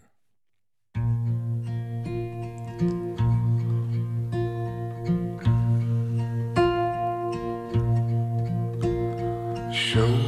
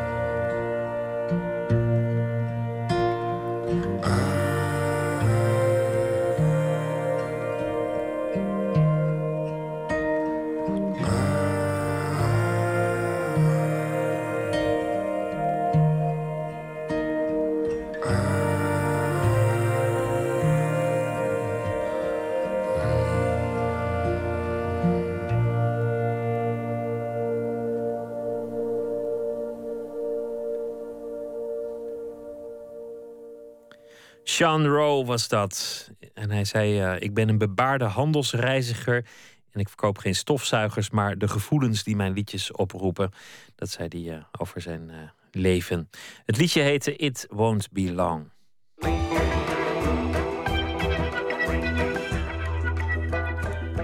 Een man die ontevreden is met zijn leven en geen andere uitweg ziet dan net te doen alsof hij dement wordt. Dat is waar het boek De Laatkomer van de Vlaamse schrijver Dimitri Verhulst over gaat. Het Noord-Nederlands toneel brengt een toneelbewerking van het boek. Ola Malfalini regisseert het en de zware hoofdrol van de man die speelt dat hij dementeert is weggelegd voor Hans Dagelet. Matthijs Deen zocht de acteur op om vooruit te blikken op deze rol. Eigenlijk is het verhaal zelf al een beetje ingewikkeld. Een man, hij Desiree, die tegen jou als lezer zegt bij zijn volle verstand te zijn, die houdt alle andere personages in het boek voor de gek. Zijn vrouw, zijn dochter, zijn zoon, zijn dokter, de buurtgenoten. Hij doet voor hen voorkomen dat hij dementeert. Hij speelt zijn eigen aftakeling, alleen maar om zijn leven en vooral zijn vrouw te ontvluchten en in een verzorgingshuis te worden opgenomen, waar hij net kan doen alsof hij ze niet meer kent. Stel nu dat je dat verhaal op toneel brengt. dat ik iedere nacht opnieuw in mijn bed Dan wordt het nog ingewikkelder, want dan moet de man op toneel spelen dat hij speelt dat hij dement is. En wel zo dat jij in het publiek erin meegaat dat zijn medeacteurs dat geloven, terwijl jij ook nog eens weet dat hij het maar speelt. En dat je dat dan ook nog gelooft. Fantastisch! Dan zomaar eventjes je hele existentie verzachten, amuseren op onze maat. Het lijkt een knoop die voor de hoofdrolspeler maar nauwelijks te ontwarren is. Toch gaat Hans Dagelet het doen. Met het Noord-Nederlands toneel. Zondag première in Groningen. Hij is ervan overtuigd, nu aan de vooravond van de première... dat hij de boel voor zichzelf ontward heeft. Het is voor mij duidelijk dat die man dus speelt, dat hij dementeert. Het is voor mij ook duidelijk dat ik zelf dat weer speel. Dus dubbel op. Ik speel man die speelt. En uiteindelijk zou ik het misschien zelfs nog wel zo willen keren... dat het publiek soms twijfelt van is de acteur niet aan het dementeren. Om het echt heel uh, ja, voelbaar te maken. Ik heb u zo pas gekocht als mijn vader. Hoe is het nog met moeder? Is het dood? Ik heb het hele boek zwart uit mijn hoofd. Er zijn momenten dat ik soms een schakeltje niet weet of zo... maar dan kan ik altijd terugvallen op mijn quasi-dementie. Ik ben in ieder geval uh, zo'n 55 minuten non-stop aan het woord alleen. Helemaal alleen. Hij uh, is 74. Hij vindt eigenlijk dat hij uh, heel veel kansen gemist heeft. Hij heeft spijt van dingen die hij niet gedaan heeft. En dat is heel erg spijt. Als je dat op latere leeftijd krijgt van dingen die je niet gedaan hebt... hebben heel veel mensen. Dat is erg. Het is ook door zo'n man zo'n rol aan te meten... Van dat hij dementerend wordt. Dat is niet realistisch, zoiets. Dat is Dat is niet te doen. Dus voor mij is het al een soort van... ik noem toneel altijd een verdichting van de werkelijkheid. Is dit ook weer, dat boek, een soort verdichting van een soort wens. Of een soort van gedachte van pluk de dag. Uh, en en heb, heb nooit ergens spijt van. Doe gewoon uh, de dingen die je wil doen. In het stuk is het zo bijna dat ik het boek vertel. Een heel groot deel van het boek. Ik vertel het alsof ik het zelf ben. Dat vind ik ook eigenlijk wel heel mooi, hoor. Omdat je dus eigenlijk afstand neemt, afstand kan nemen van je personage. Dus nu en dan, waardoor je de acteur weer wordt. En die, die dingen die lopen dan heel erg door elkaar heen. En dat, dat, dat zou ik wel mooi vinden als dat gebeurt. Dat er een soort verwarring optreedt. Of een soort van... Ja, dat het publiek ook niet helemaal precies weet uh, hoe en wat. Dat zou ik mooi vinden. Ik weet niet hoe dat bij jou gaat als je als je, je op een rol voorbereidt. Of je dan ook zoekt naar... naar want je moet het ergens vandaan halen, toch? Of speel je... Ja, dan moet ik wel eerlijk, eerlijk gezegd zeggen... dat, ik, dat dit mijn derde uh, rol is waarin ik een uh, dementerende speel. Ja, een mooie dag is... Uh... Ik heb het grote hoofd. was bij Carver. Daar speelde ik een koning met een, met een hofhouding. En die man die takelt langzaam af. Maar die hofhouding die speelt het, eh, die speelt het allemaal mee alsof er niks aan de hand is. Om die man uh, de schijn in stand te laten houden dat alles uh, zo is zoals hij denkt. Om hem te pleasen. En een andere rol was een, een vader die, een, die Korsakov heeft. Dat is dementie ten gevolge van drank. Ja. Of danig drankgebruik. En daarvoor heb ik heel veel veldwerk gedaan door documentaires te bekijken. Ja. En uh, ook met dementerend te spreken. Dat hebben we in dit geval ook gedaan. Met, we hebben heel veel materiaal bekeken. En uh, we hebben ook uh, dementerend over de vloer gehad, op de repetitievloer. En met die mensen gepraat, spelletjes gedaan en gezongen. Dus ik weet, ik weet, er wel, ik weet er heel veel van. En dat spelen van een dementeren is voor mij... Vind ik, dat vind ik niet moeilijk. Wat, wat is er zo eenvoudig aan dan? Dat weet ik niet, maar dat ligt me heel erg blijkbaar. Schijn, mijn vrouw die zei gisteren tegen mij... je hebt wel iets van... je bent een beetje autistisch. Autistisch is gebrek aan empathie, maar dat bespeur ik helemaal niet bij jou. Uh, dat misschien minder. Ik heb wel dat ik heel erg in mijn eigen wereld zit vaak. Hmm. En ook uh, vaak niet begrijp van wat mensen zeggen. Dat niet op me doordringt. Omdat ik... Uh, bijvoorbeeld als jij tegen me zit te praten... dan zit ik, zit ik alleen maar naar die... zie ik naar die ring te kijken, bijvoorbeeld die je daar om je vinger hebt. Dan stel ik me daar weer je vrouw bij voor. En dan, denk ik, nou, dan dwaal ik af. Dan hoor ik dus niet meer wat je zegt. Terwijl ik zit wel heel glazig naar je te kijken. En dan ga jij denken van, luistert hij nou? Of, uh, hè? Dat heb ik heel veel. Daar loop ik ook vaak tegenaan. Dat mensen tegen me zeggen van... Ja, ik, ik heb wat gevraagd. Uh, geef eens antwoord.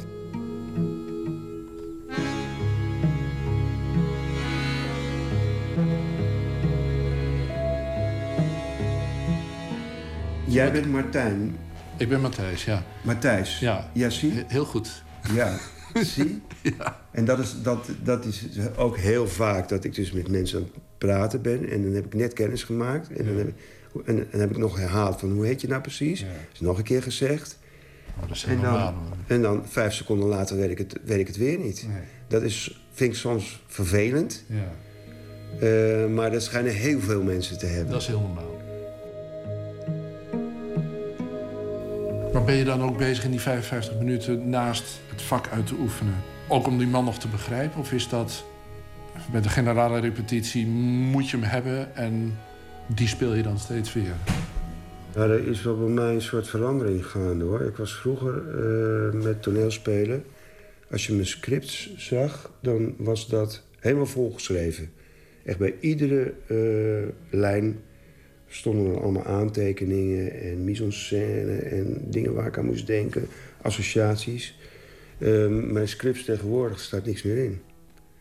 Het heeft er een beetje mee te maken dat ik het erop aan laat komen meer. Er is een sprong in duister. Dus ik, ik, ik sta op het toneel. En over vijf minuten begint de voorstelling. En dan probeer ik mezelf in te beelden van ik weet van niks. En ik zie wel. En dan, zodra je het toneel opstapt, dan moet het er komen of zijn. Ik ga me niet inleven. Wil het zeggen dat elke avond uniek moet worden? Ja.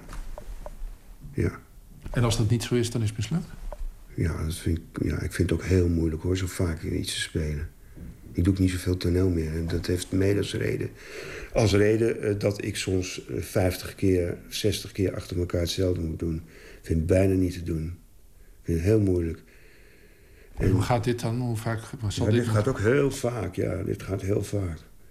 Maar ik hoop dat het goed gaat lopen. Dat scheelt enorm. Kijk, als het goed bezocht wordt en er is een vibratie in de zaal... dat maakt het een stuk makkelijker. Als er twintig onwilligen in de zaal zitten... en verder leeg, dan is het bijna niet te doen. Dan is het, word je heel treurig.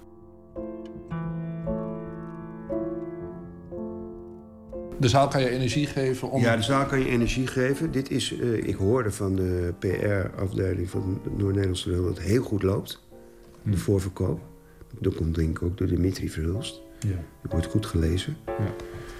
Uh, komt denk ik misschien ook wel door die affiche, denk ik vaak. Die ziet er heel vrolijk uit. Met allemaal confetti en zo. Ja, precies. het is toch wel, ik vind het toch wel, ik vind het zo mooi geschreven dat ik daar gewoon gelukkig van word. Ik hoop dat die voorstelling ook zo is. Dat mensen pogingen doen uh, om tot elkaar te komen. Alleen dat al vind ik prachtig. Er zijn eigenlijk twee dingen. Ten eerste is Dimitri Verhulst, de schrijver van Verhuld Mededogen. Maar je, je wijst ook naar de kunst. Namelijk de taal, ja. uh, het feit dat er acteurs zijn die dat goed kunnen. Ja. Kunst vertegenwoordigt alles wat, wat er uh, verder niet is. Wat bedoel je? Alles wat je niet kan vinden in het gewone leven, dat kan je vinden in kunst. Het gaat alle kanten op, het gaat heel diep, het gaat heel hoog.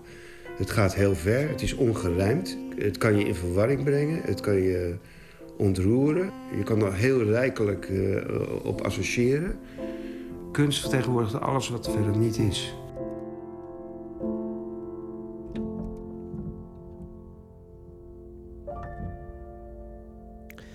Hans Daglet over zijn rol in de laatkomer van het Noord-Nederlands toneel. Zondag in Groningen de première.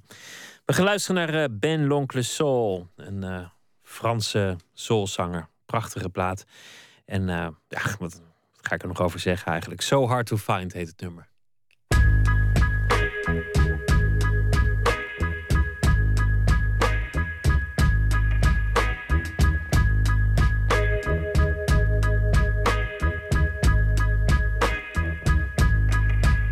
In the dark, she was gone, left it cold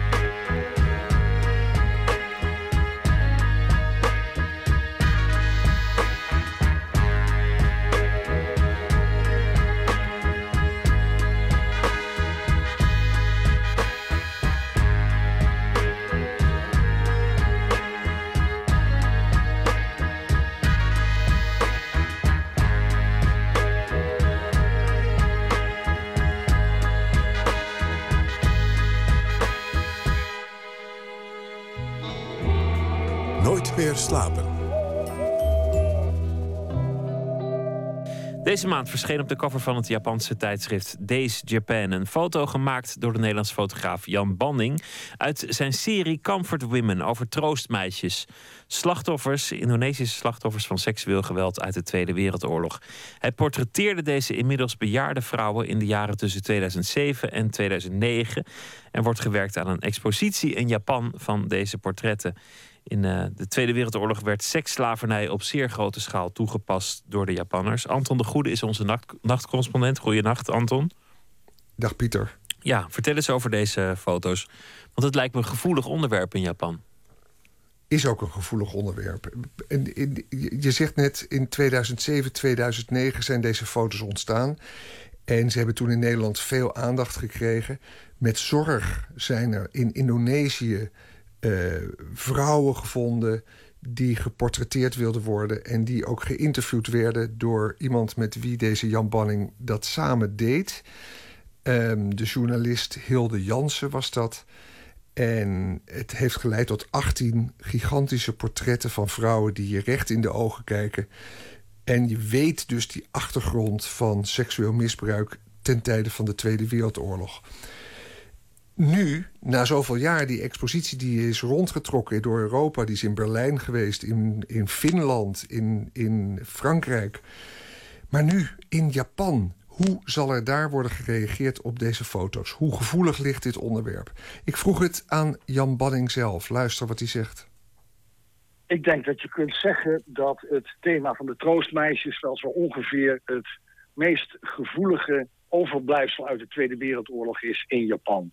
En het eh, grootste oorlogstaboe dat nu nog en, en eigenlijk al decennia lang in Japan rondwaart. Uh, het is een kwestie die uh, de Japanse buitenlandse politiek verzuurt. Omdat bijvoorbeeld vanuit Korea en China, eigenlijk met name die landen... waar heel veel troostmeisjes zijn weggeplukt... dat thema de hele tijd weer opkomt. Uh, en wat is de kwestie? De kwestie is dat uh, de uh, meerderheid in Japan blijft ontkennen dat het hier gaat om dwangprostitutie. Waar die naar schatting 200.000 vrouwen als vaak jonge meisjes, soms 12, 13, 14 jaar, soms zelfs nog jonger, ofwel gewoon van straat geplukt zijn of, of uit huis geplukt zijn, of soms onder valse voorwenselen naar een, uh, een andere plek gelokt.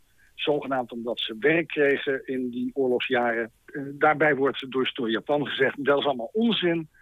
Dat waren gewoon betaalde prostituees. En dan zeg ik even, dat wordt door Japan gezegd. Dat is natuurlijk een beetje een rare uitspraak. Maar dat is wel wat door, door zeg maar het, de machthebbers wordt voorgesteld. Anton de Goede, als, als het zo gevoelig ligt... kan zo'n expositie daar dan ook zonder problemen georganiseerd worden? Of staat er dan toch een, een soort prijs op? Ja, dat is de vraag. Um, er is een rechtervleugel binnen de Japanse politiek die heel actief bezig schijnt te zijn propaganda te maken voor het idee dat die vrouwen in de Tweede Wereldoorlog betaald kregen voor die seks en dat ze kortom eigenlijk werkten als prostituees.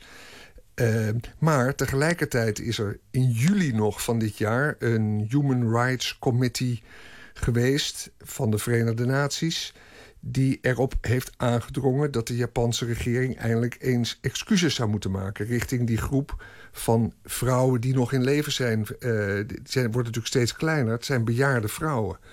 Uh, ik vroeg een jonge Japanse vrouw, Azumi Uchitani, die zich al jaren met een eigen consultancy inspant voor betere betrekkingen tussen Japanners en Europeanen. Ik vroeg haar uh, ja, hoe zij dat inschat. Zij is trouwens betrokken bij deze expositie. Zij heeft er best gedaan om die in Japan uh, ondergebracht te krijgen. En wat zij zo meteen vertelt, ze, ze spreekt Engels, uh, is dat er nog altijd het beeld is van die niet geschreven bladzijde in de Japanse geschiedenis. Op school werd de geschiedenis van de Tweede Wereldoorlog onvolledig verteld. Weinigen staan er nu in Japan op te wachten dat die waarheid alsnog naar buiten wordt gebracht. En een kunstgalerie die nu het werk van Jan Banning gaat exposeren, loopt een risico, want niemand weet wat er kan gebeuren. Luister naar hoe deze Azumi Uchitani het vanavond zei. We were not told uh, at school in the details information about the history of what had happened. And then currently this is still kind of hidden um, history in Japan. So like exhibiting this type of project for the uh, gallery side is also a big step. A huge step, and they have to take a risk what kind of uh, reaction they will get. Een moedige stap, zegt zij, maar Japan is natuurlijk toch ook gewoon een, een modern en beschaafd land. Dus, dus hoe ver zal dat gaan? Ja, inderdaad. Ik zei tegen Jan Banning, het zal allemaal wel. Maar uh, ja, je hoeft toch niet te vrezen in Japan als je iets doet wat de overheid niet zint. Ik bedoel, waar zijn die galeries dan bang voor? Hij zei er dit over. Nou ja, wat ik begrepen heb van, uh, vanuit Japan zelf... Uh, is dat heel veel uh, instellingen, dus galeries... of waar het gaat om documentaire films, bioscopen... hier hun vingers niet aan willen branden... omdat ze bedreigd worden met een boycott... met financiële sancties, het intrekken van financiële steun en dat soort zaken. het geeft eigenlijk alleen maar ellende. En dat, ja, dat is eigenlijk de voornaamste dreiging. Verder hebben we te horen gekregen dat als die beoogde tentoonstelling van ons uh, troostmeisjeswerk uh, inderdaad doorgaat, en daar lijkt het op, dat we dan toch rekening moeten houden met ja, wat bizar aandoende dingen als een soort processie, moet je het misschien noemen, van, zoals dat werd beschreven, zwarte minibusjes die daar als een treurstoet langs gaan rijden. Nou, je kunt daarvan zeggen, ja, is dat nou zo erg? Uh, het is misschien zelfs wel dom, want dat leidt natuurlijk alleen maar tot meer publiciteit. Maar die, die financiële dreigementen, die zijn natuurlijk hinderlijk. En ik heb uit goede bron begrepen dat zelfs sommige ambassades daar toch eigenlijk het liefst maar ver van blijven. omdat dat de handelsbelangen kan schaden. Waarom wil hij het zo graag, Anton? Waarom, waarom vindt hij het belangrijk? Is dat om, om het onder de aandacht te brengen als een soort eerherstel? Ja. Of?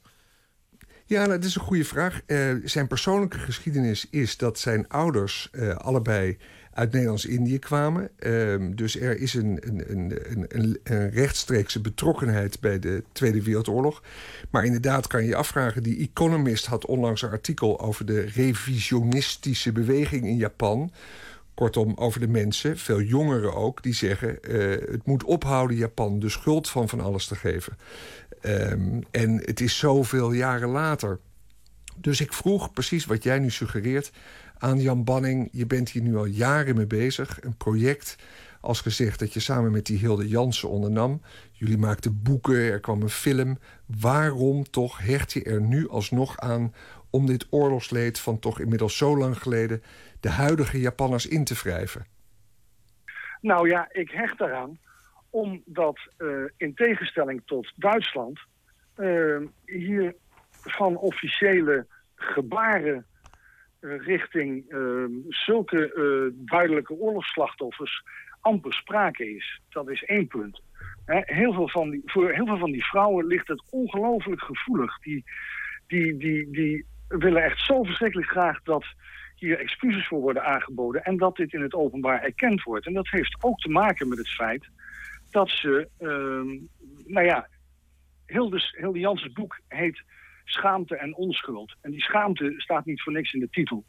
Uh, heel veel van die dames gaan zwaar gebukt onder schaamte. We hebben in Indonesië gezien dat sommige vrouwen, nadat ze terugkwamen uit de, de oorlog... en dus uit die legerbordelen, door hun man verstoten werden als uh, Japanners hoer uh, door hun omgeving uitgekotst werden omdat ze uh, dus seksuele diensten hadden uh, geleverd aan die Japanners. En ook al was dat dan onder dwang.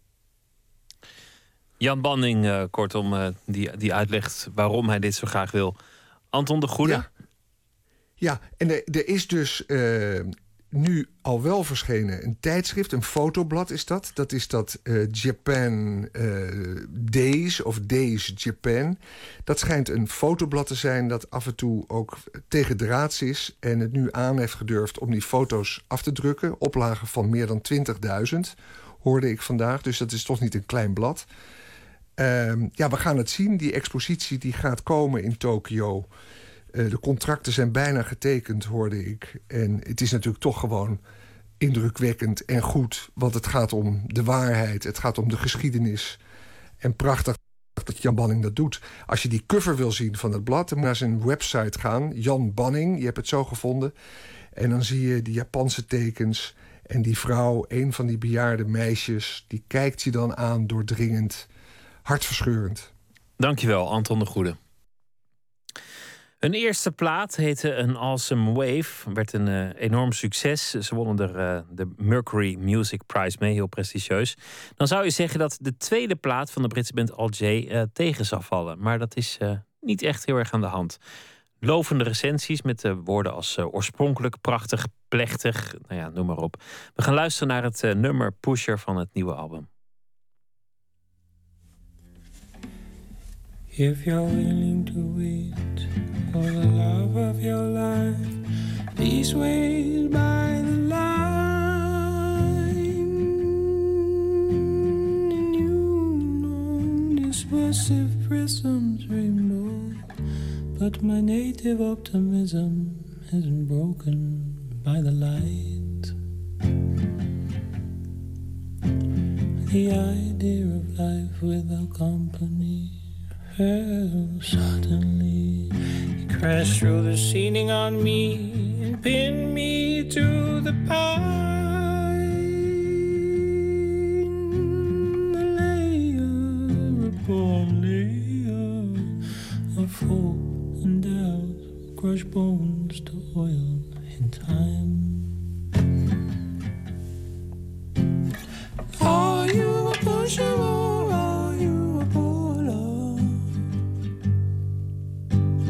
I pull the weight towards me. And I like the zest of a lemon looking forward.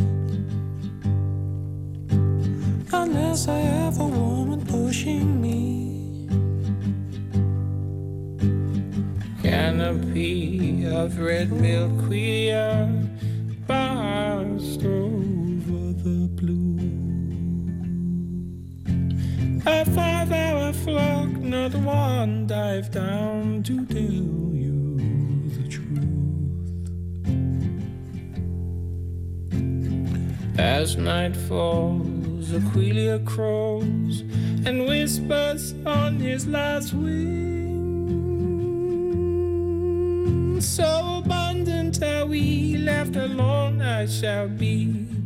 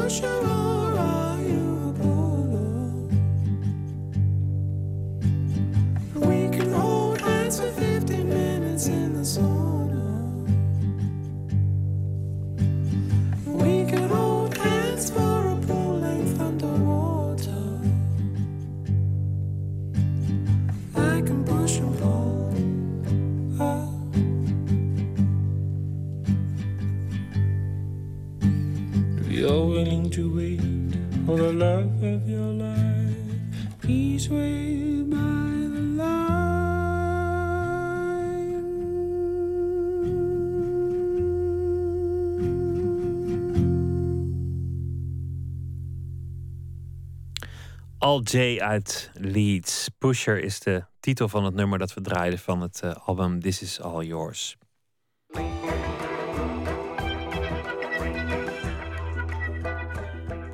Tom Klaas is een van de bekendste beeldhouwers van Nederland. In het Stedelijk Museum in Kampen zijn nu 34 van zijn kleinere beelden te zien.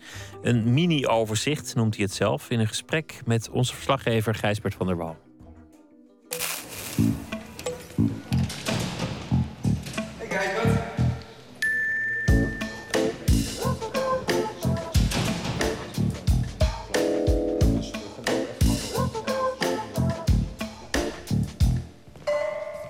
Tom, de meeste mensen zullen jou kennen van heel groot werk. De enorme olifanten die bij de A6 staan bij Almere. Als een soort uh, Stonehenge van olifanten. Of een mol die je in Best uh, hebt gemaakt. Ja. Enorm paard in Utrecht. de eerste. Een groot uh, nijlpaard in... Nou ja, in elk geval allerlei hele grootschalige beelden. En op weg hier naar het museum in Kampen, dat ik wel een beetje ken... vroeg ik me af, wat zou die hebben gedaan met die ruimtes in Kampen? Want dat zijn eigenlijk maar een paar heel kleine, bescheiden museumzalen. Hoe gaat iemand die altijd groot werk maakt daarmee om? Nou, in eerste instantie zie je dit museum als een huis met vier kamers en uh, een oud herenhuisachtige toestand. Uh, het ziet er ook een beetje nog uit als een huis. Hè? Het zijn ja. eerder kamers dan zalen. Het zijn kamers met uh, mooi, gewoon een mooie duidelijke houten vloer en heel veel vensterbanken, heel veel ramen.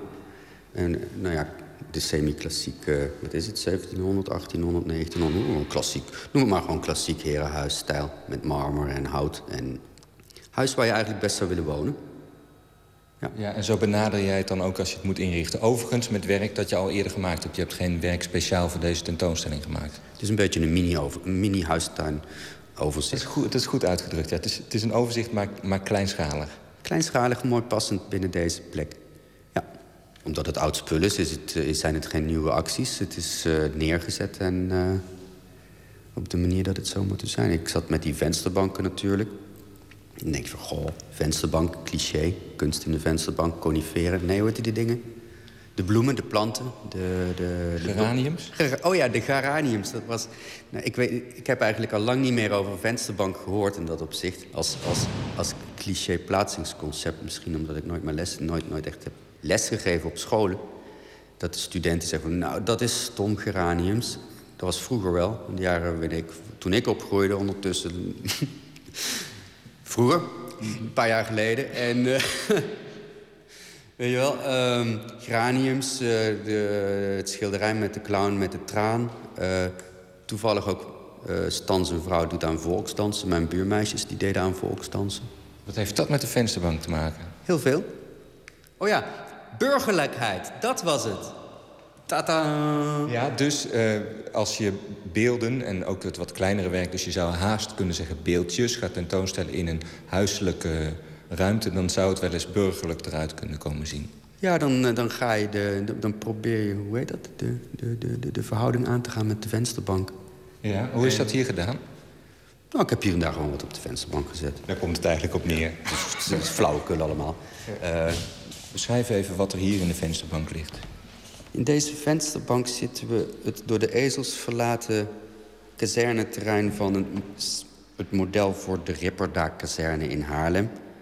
Dat was in eerste instantie eh, een, een, ontwerp voor een grasveld midden bovenop een parkeergarage tussen flink wat nieuwbouw. Is het niet geworden.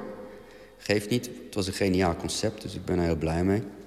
Maar dit is een ontwerp voor een beeld bij een kazerne of wat? Bij, bij een kazerne wat werd getransformeerd naar een woonomgeving. In, ah ja, en het beeld is uiteindelijk niet uitgevoerd... maar jij laat hier in deze vensterbank, dat is een soort tafel natuurlijk... Een gedeelte van het ontwerp zien, bestaande uit uh, twee bivaktentjes... een grote baal waar een hoop in kan.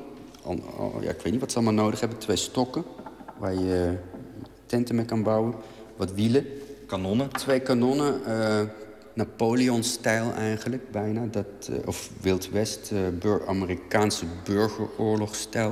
Ik weet niet of... Nou ja, kijk, jongens, jongens die met uh, soldaatjes spelen. Schaal 1 op 80 was dat. Ah, nee, doosjes vol, 2,50 van Airfix. Hieruit maak ik op dat jij dat vroeger gedaan hebt. Ja, en we hadden altijd een tekort aan kanonnetjes. Mijn broer ontdekte dat je uit hout heel makkelijk kanonnetjes kon zagen. Ik was net niet handig genoeg. En uh, het ging er eigenlijk om wie er de meeste had. Want hoe meer je er hebt, hoe meer... Nou ja, we gingen dan nooit vechten, maar als je er meer had... was de kans groter dat je zou winnen. Niet dat je wilde winnen van je broer per se, want je wilde spelen. Maar nou, dat spel. Dus aantallen van hetzelfde, herhaling, reproductie... Uh, en dan kom je eigenlijk in, in, in, in de beeldhouwwereld. Als je het over reproductie gaat, is het over, mallen hebben en afgietsels en aantallen. Eigenlijk ligt jouw gebeeldhouwen gewoon in de lijn van het spelen dat je als kind deed. Ja, gedeeltelijk wel natuurlijk, uiteraard. Ja, wat die- Maar dit, dit is dan wel een heel leuk aanknopingspunt in het gesprek. Ook omdat het ook echt bijna speelgoedformaat, eh, Ja. kanonnen enzovoort is. Maar het was bedoeld als ontwerp voor echt een grote, grote beeldengroep op een terrein. Precies, dus je werkt in, de, eh, voor, in die opdrachten werk je altijd met een budget. En dat budget moet je vullen met kunst. En stuks kunst en kubieke meters kunst. Of dingen, objecten, eh, sculpturen genaamd ook wel. Of in dit geval zouden we, zou zat ik te denken om dit in gietijzer te laten gieten. Ongeveer, nou ja, per stuk net, net groot genoeg. Niet echt absurde schaal, maar net iets ondermaats als, menselijk, eh, als normaal. Als een grootte, ja. Ja, dus wat het mogelijk zou maken om dat budget helemaal op te hakken... en eh, in te delen in, nou, in dit budget kunnen we... nou, pakweg drie kanonnen maken van 5000... en dan nog zes bivaktenten van vier... en dan de elektriciteit, want dan kan er in sommige bivaktentjes... sommige, je ziet het... Dit, Kun je in? Dit, bivaktentje heeft een, eh, een entree. Maar dit is ook een beetje een antwoord op de vraag... hoe ga je nou met zo'n kleine tentoonstellingsruimte om? Want je laat er dus... Je kunt er niet eigenlijk je grote beelden laten zien. Dus min of meer noodgedwongen... Die kunnen niet door de deur. Min of meer noodgedwongen ga je dus eigenlijk een kijkje in de keuken geven... en laten zien wat voor eigenhandige, kleinere schaalmodellen... of, of, of ja, uitprobeersels eigenlijk daaraan vooraf gaan. Ja, precies. En ik, ik vind dit echt gewoon een hele leuke aanzet voor iets wat mogelijk is in de, in de ruimte. Ook, en wat kan groeien of kan krimpen. Of, ja. Het is dus een soort kijkje in jouw hoofd, deze tentoonstelling. Ja, ja, noem het maar zo. Kan wel.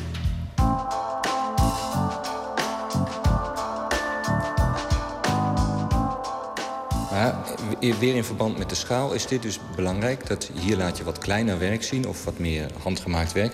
Ha- Handgemaakt, dat is eigenlijk van belang. Als je heel groot werk gaat maken, dan moet je het ook uitbesteden. Dan heb je een model wat iemand anders of een groep mensen voor je gaat opblazen, neem ik aan. Ja. Eh, terwijl je zou kunnen zeggen dat je hier niet alleen een kijkje krijgt in jouw hoofd, maar ook in je handen. Je, je- het is ook meer zelfgemaakt werk misschien. Hè? Ja, ja, precies, precies. En dat is natuurlijk heel interessant. Ik denk ook dat ik dat eh, meer wil, nog weer toch meer wil gaan doen. Als ik merk hoe, nou ja, noem maar bevredigend is om ook aan die grote, hoewel heel oud en waarom, werken toch door te gaan.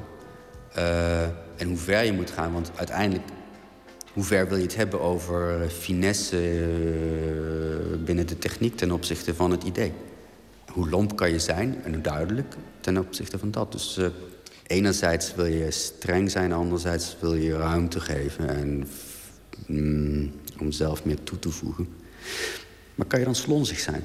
Ja, en met ruimte, eh, ruimte geven bedoel je dus ruimte aan de kijker die dat beeld ziet. Die dat beeld tegenkomt als hij de hond aan het uitlaten is. Ja, je wil... Of op een tentoonstelling. Eh, ik, heb, ik heb hier een, dat marmeren kapsel, dat uilenkapsel staan.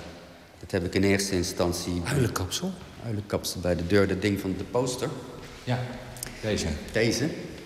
Oh shit, heb ik het al gezegd wat het is? Nou, Ja. Dat was niet de Ik, bedoeling. ik liep inderdaad net hier binnen en toen dacht ik, wat zou het zijn? Een uilenkapsel. Het is een, eh, deze vorm van een 40 centimeter van... Nou ja, het is wit marmer en hij staat op een beeldhouwbok. Het heeft een gat van voren, het heeft twee gekke uitstekende dingen. Nou, ik zeg ja, moet je, wat moet je zeggen? Ik, vroeg, ik, vroeg, ik zeg tegen die dames van... ja, ik kan wel eens de hele tijd zeggen wat ik zeg... Maar als ik woorden zeg en dan benoemingen geef... dan blokkeer ik wel ju- jullie... eh, Voorstellingsvermogen. Ja, dat vind ik eigenlijk... De dames zijn de mensen die hier eh, De- werken, hè? de- de vrijwilligers hadden... eh, Vrijwilligers van het museum. Ja, waaronder ook twee heren. En dames in het verkeerde lichaam. Dan blok- blokkeer je de associ- associatieve... Associat, nou ja, dat... dat Ja, maar dat vind je dus belangrijk. Jij zegt eh, uilenkapsel, maar eigenlijk is het een soort... Ja, nou, amorfe vorm is het niet, maar een soort onduidelijke vorm. Het lijkt een beetje op een geplooid wit hoofdkussen. Maar dan geplooider, met meer rare uitsteeksels eraan en zo. En jij zegt dus het is ook van belang dat ik er niet te veel bij zeg... of niet te veel titel aan geef, omdat de mensen die ernaar kijken zelf kunnen... eh, er Ja. tijd naar kunnen kijken en zien, zien wat ze erin willen zien. Ja, wat is het in godsnaam? En eh, is, is dit nou de moeite waard om naar te kijken? Ten eerste, ga ik hier nou echt... Ga ik hier nou echt waarom zou ik hier überhaupt naar kijken? Ik bedoel, het is een beetje een ouderwets ding misschien... vanwege dat witte marmer, denk je dat? Misschien. Of eh, is het... Ja, hm? Hm? Eh, moet ik hier een stoel neerzetten of een kruk... zodat ik eh, echt de tijd kan gaan nemen? Krijg ik pijn aan mijn voeten van als ik hier zo sta... wil ik verder en ik moet toch ook nog naar de winkel, dus... Ja, nee, oké, dat is allemaal lollig. Maar jij probeert natuurlijk toch wel een beeld te maken... dat op zijn minst de aandacht vasthoudt. Ja, precies. precies. Dus, Dus, je probeert iets te maken wat, waarvan je misschien niet meteen ziet wat het is... en dat ook open staat voor interpretatie. Maar, nou, in dit geval zeker. En, maar, je, maar je probeert wel op de, iets te maken wat mensen hun aandacht trekt. Ja, juist. Ik, eh, ik probeer ze het genot eh, te geven van eh, dit te mogen te kunnen aanschouwen. Ja. En dan gebeurt er? dan krijgen ze de kosmische flits. En nou, dan worden ze gewoon gelukkig. Van niks, gewoon een mooi ding zeg. Gijsbert van der Wal in gesprek met de beeldhouwer Tom Klaassen. De tentoonstelling is in het museum in Kampen eergisteren geopend. Nog te zien tot en met 16 november.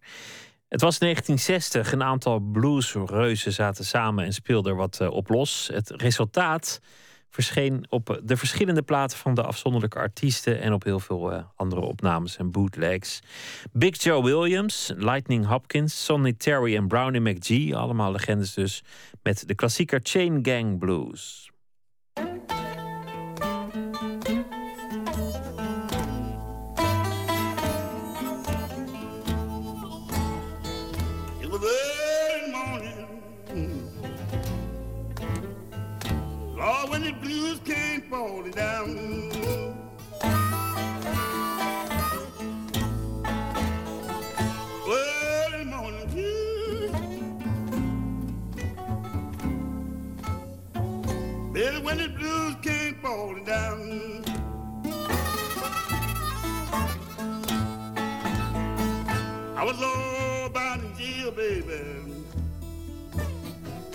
Your daddy free unbound.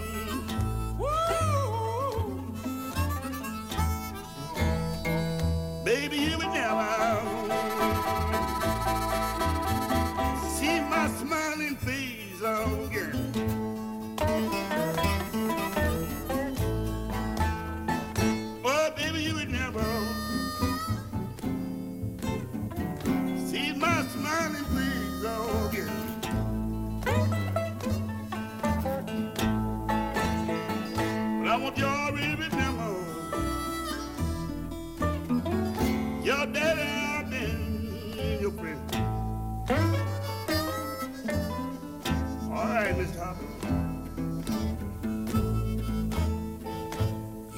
Don't let it go to prison. You got to work down there too hard.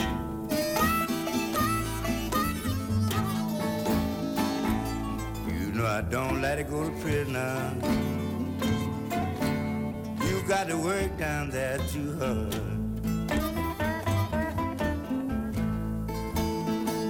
Every night you got to pray. Gonna come out on the helps of the Lord.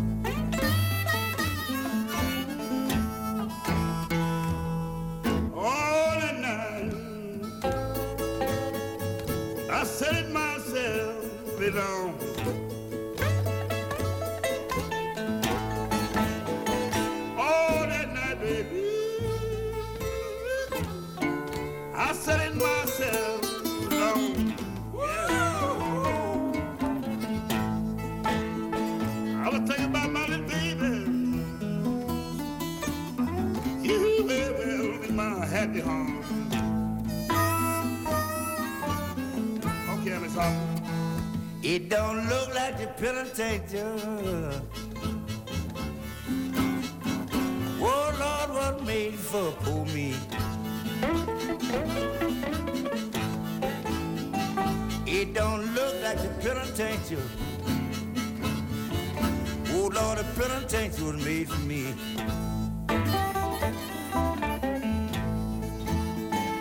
But you know they say it was made for people. I turn to a horse, don't you see? That's to keep from going.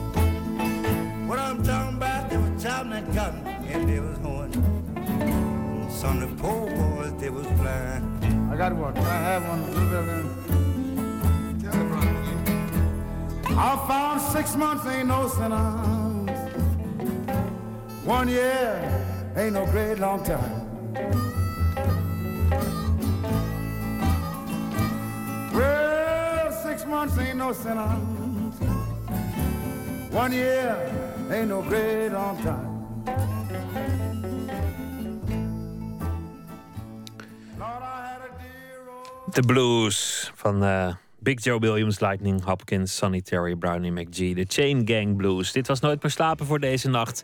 Morgen komt eh, meester Theo Hiddema langs. Een van de meest markante strafpleiters die ons land kent. Een boek is over hem geschreven door eh, journalist Stan de Jong. Maar eh, de strafpleiter komt zelf langs. Morgen in Nooit meer slapen. Voor nu een goede nacht. Op Radio 1, het nieuws van alle kanten.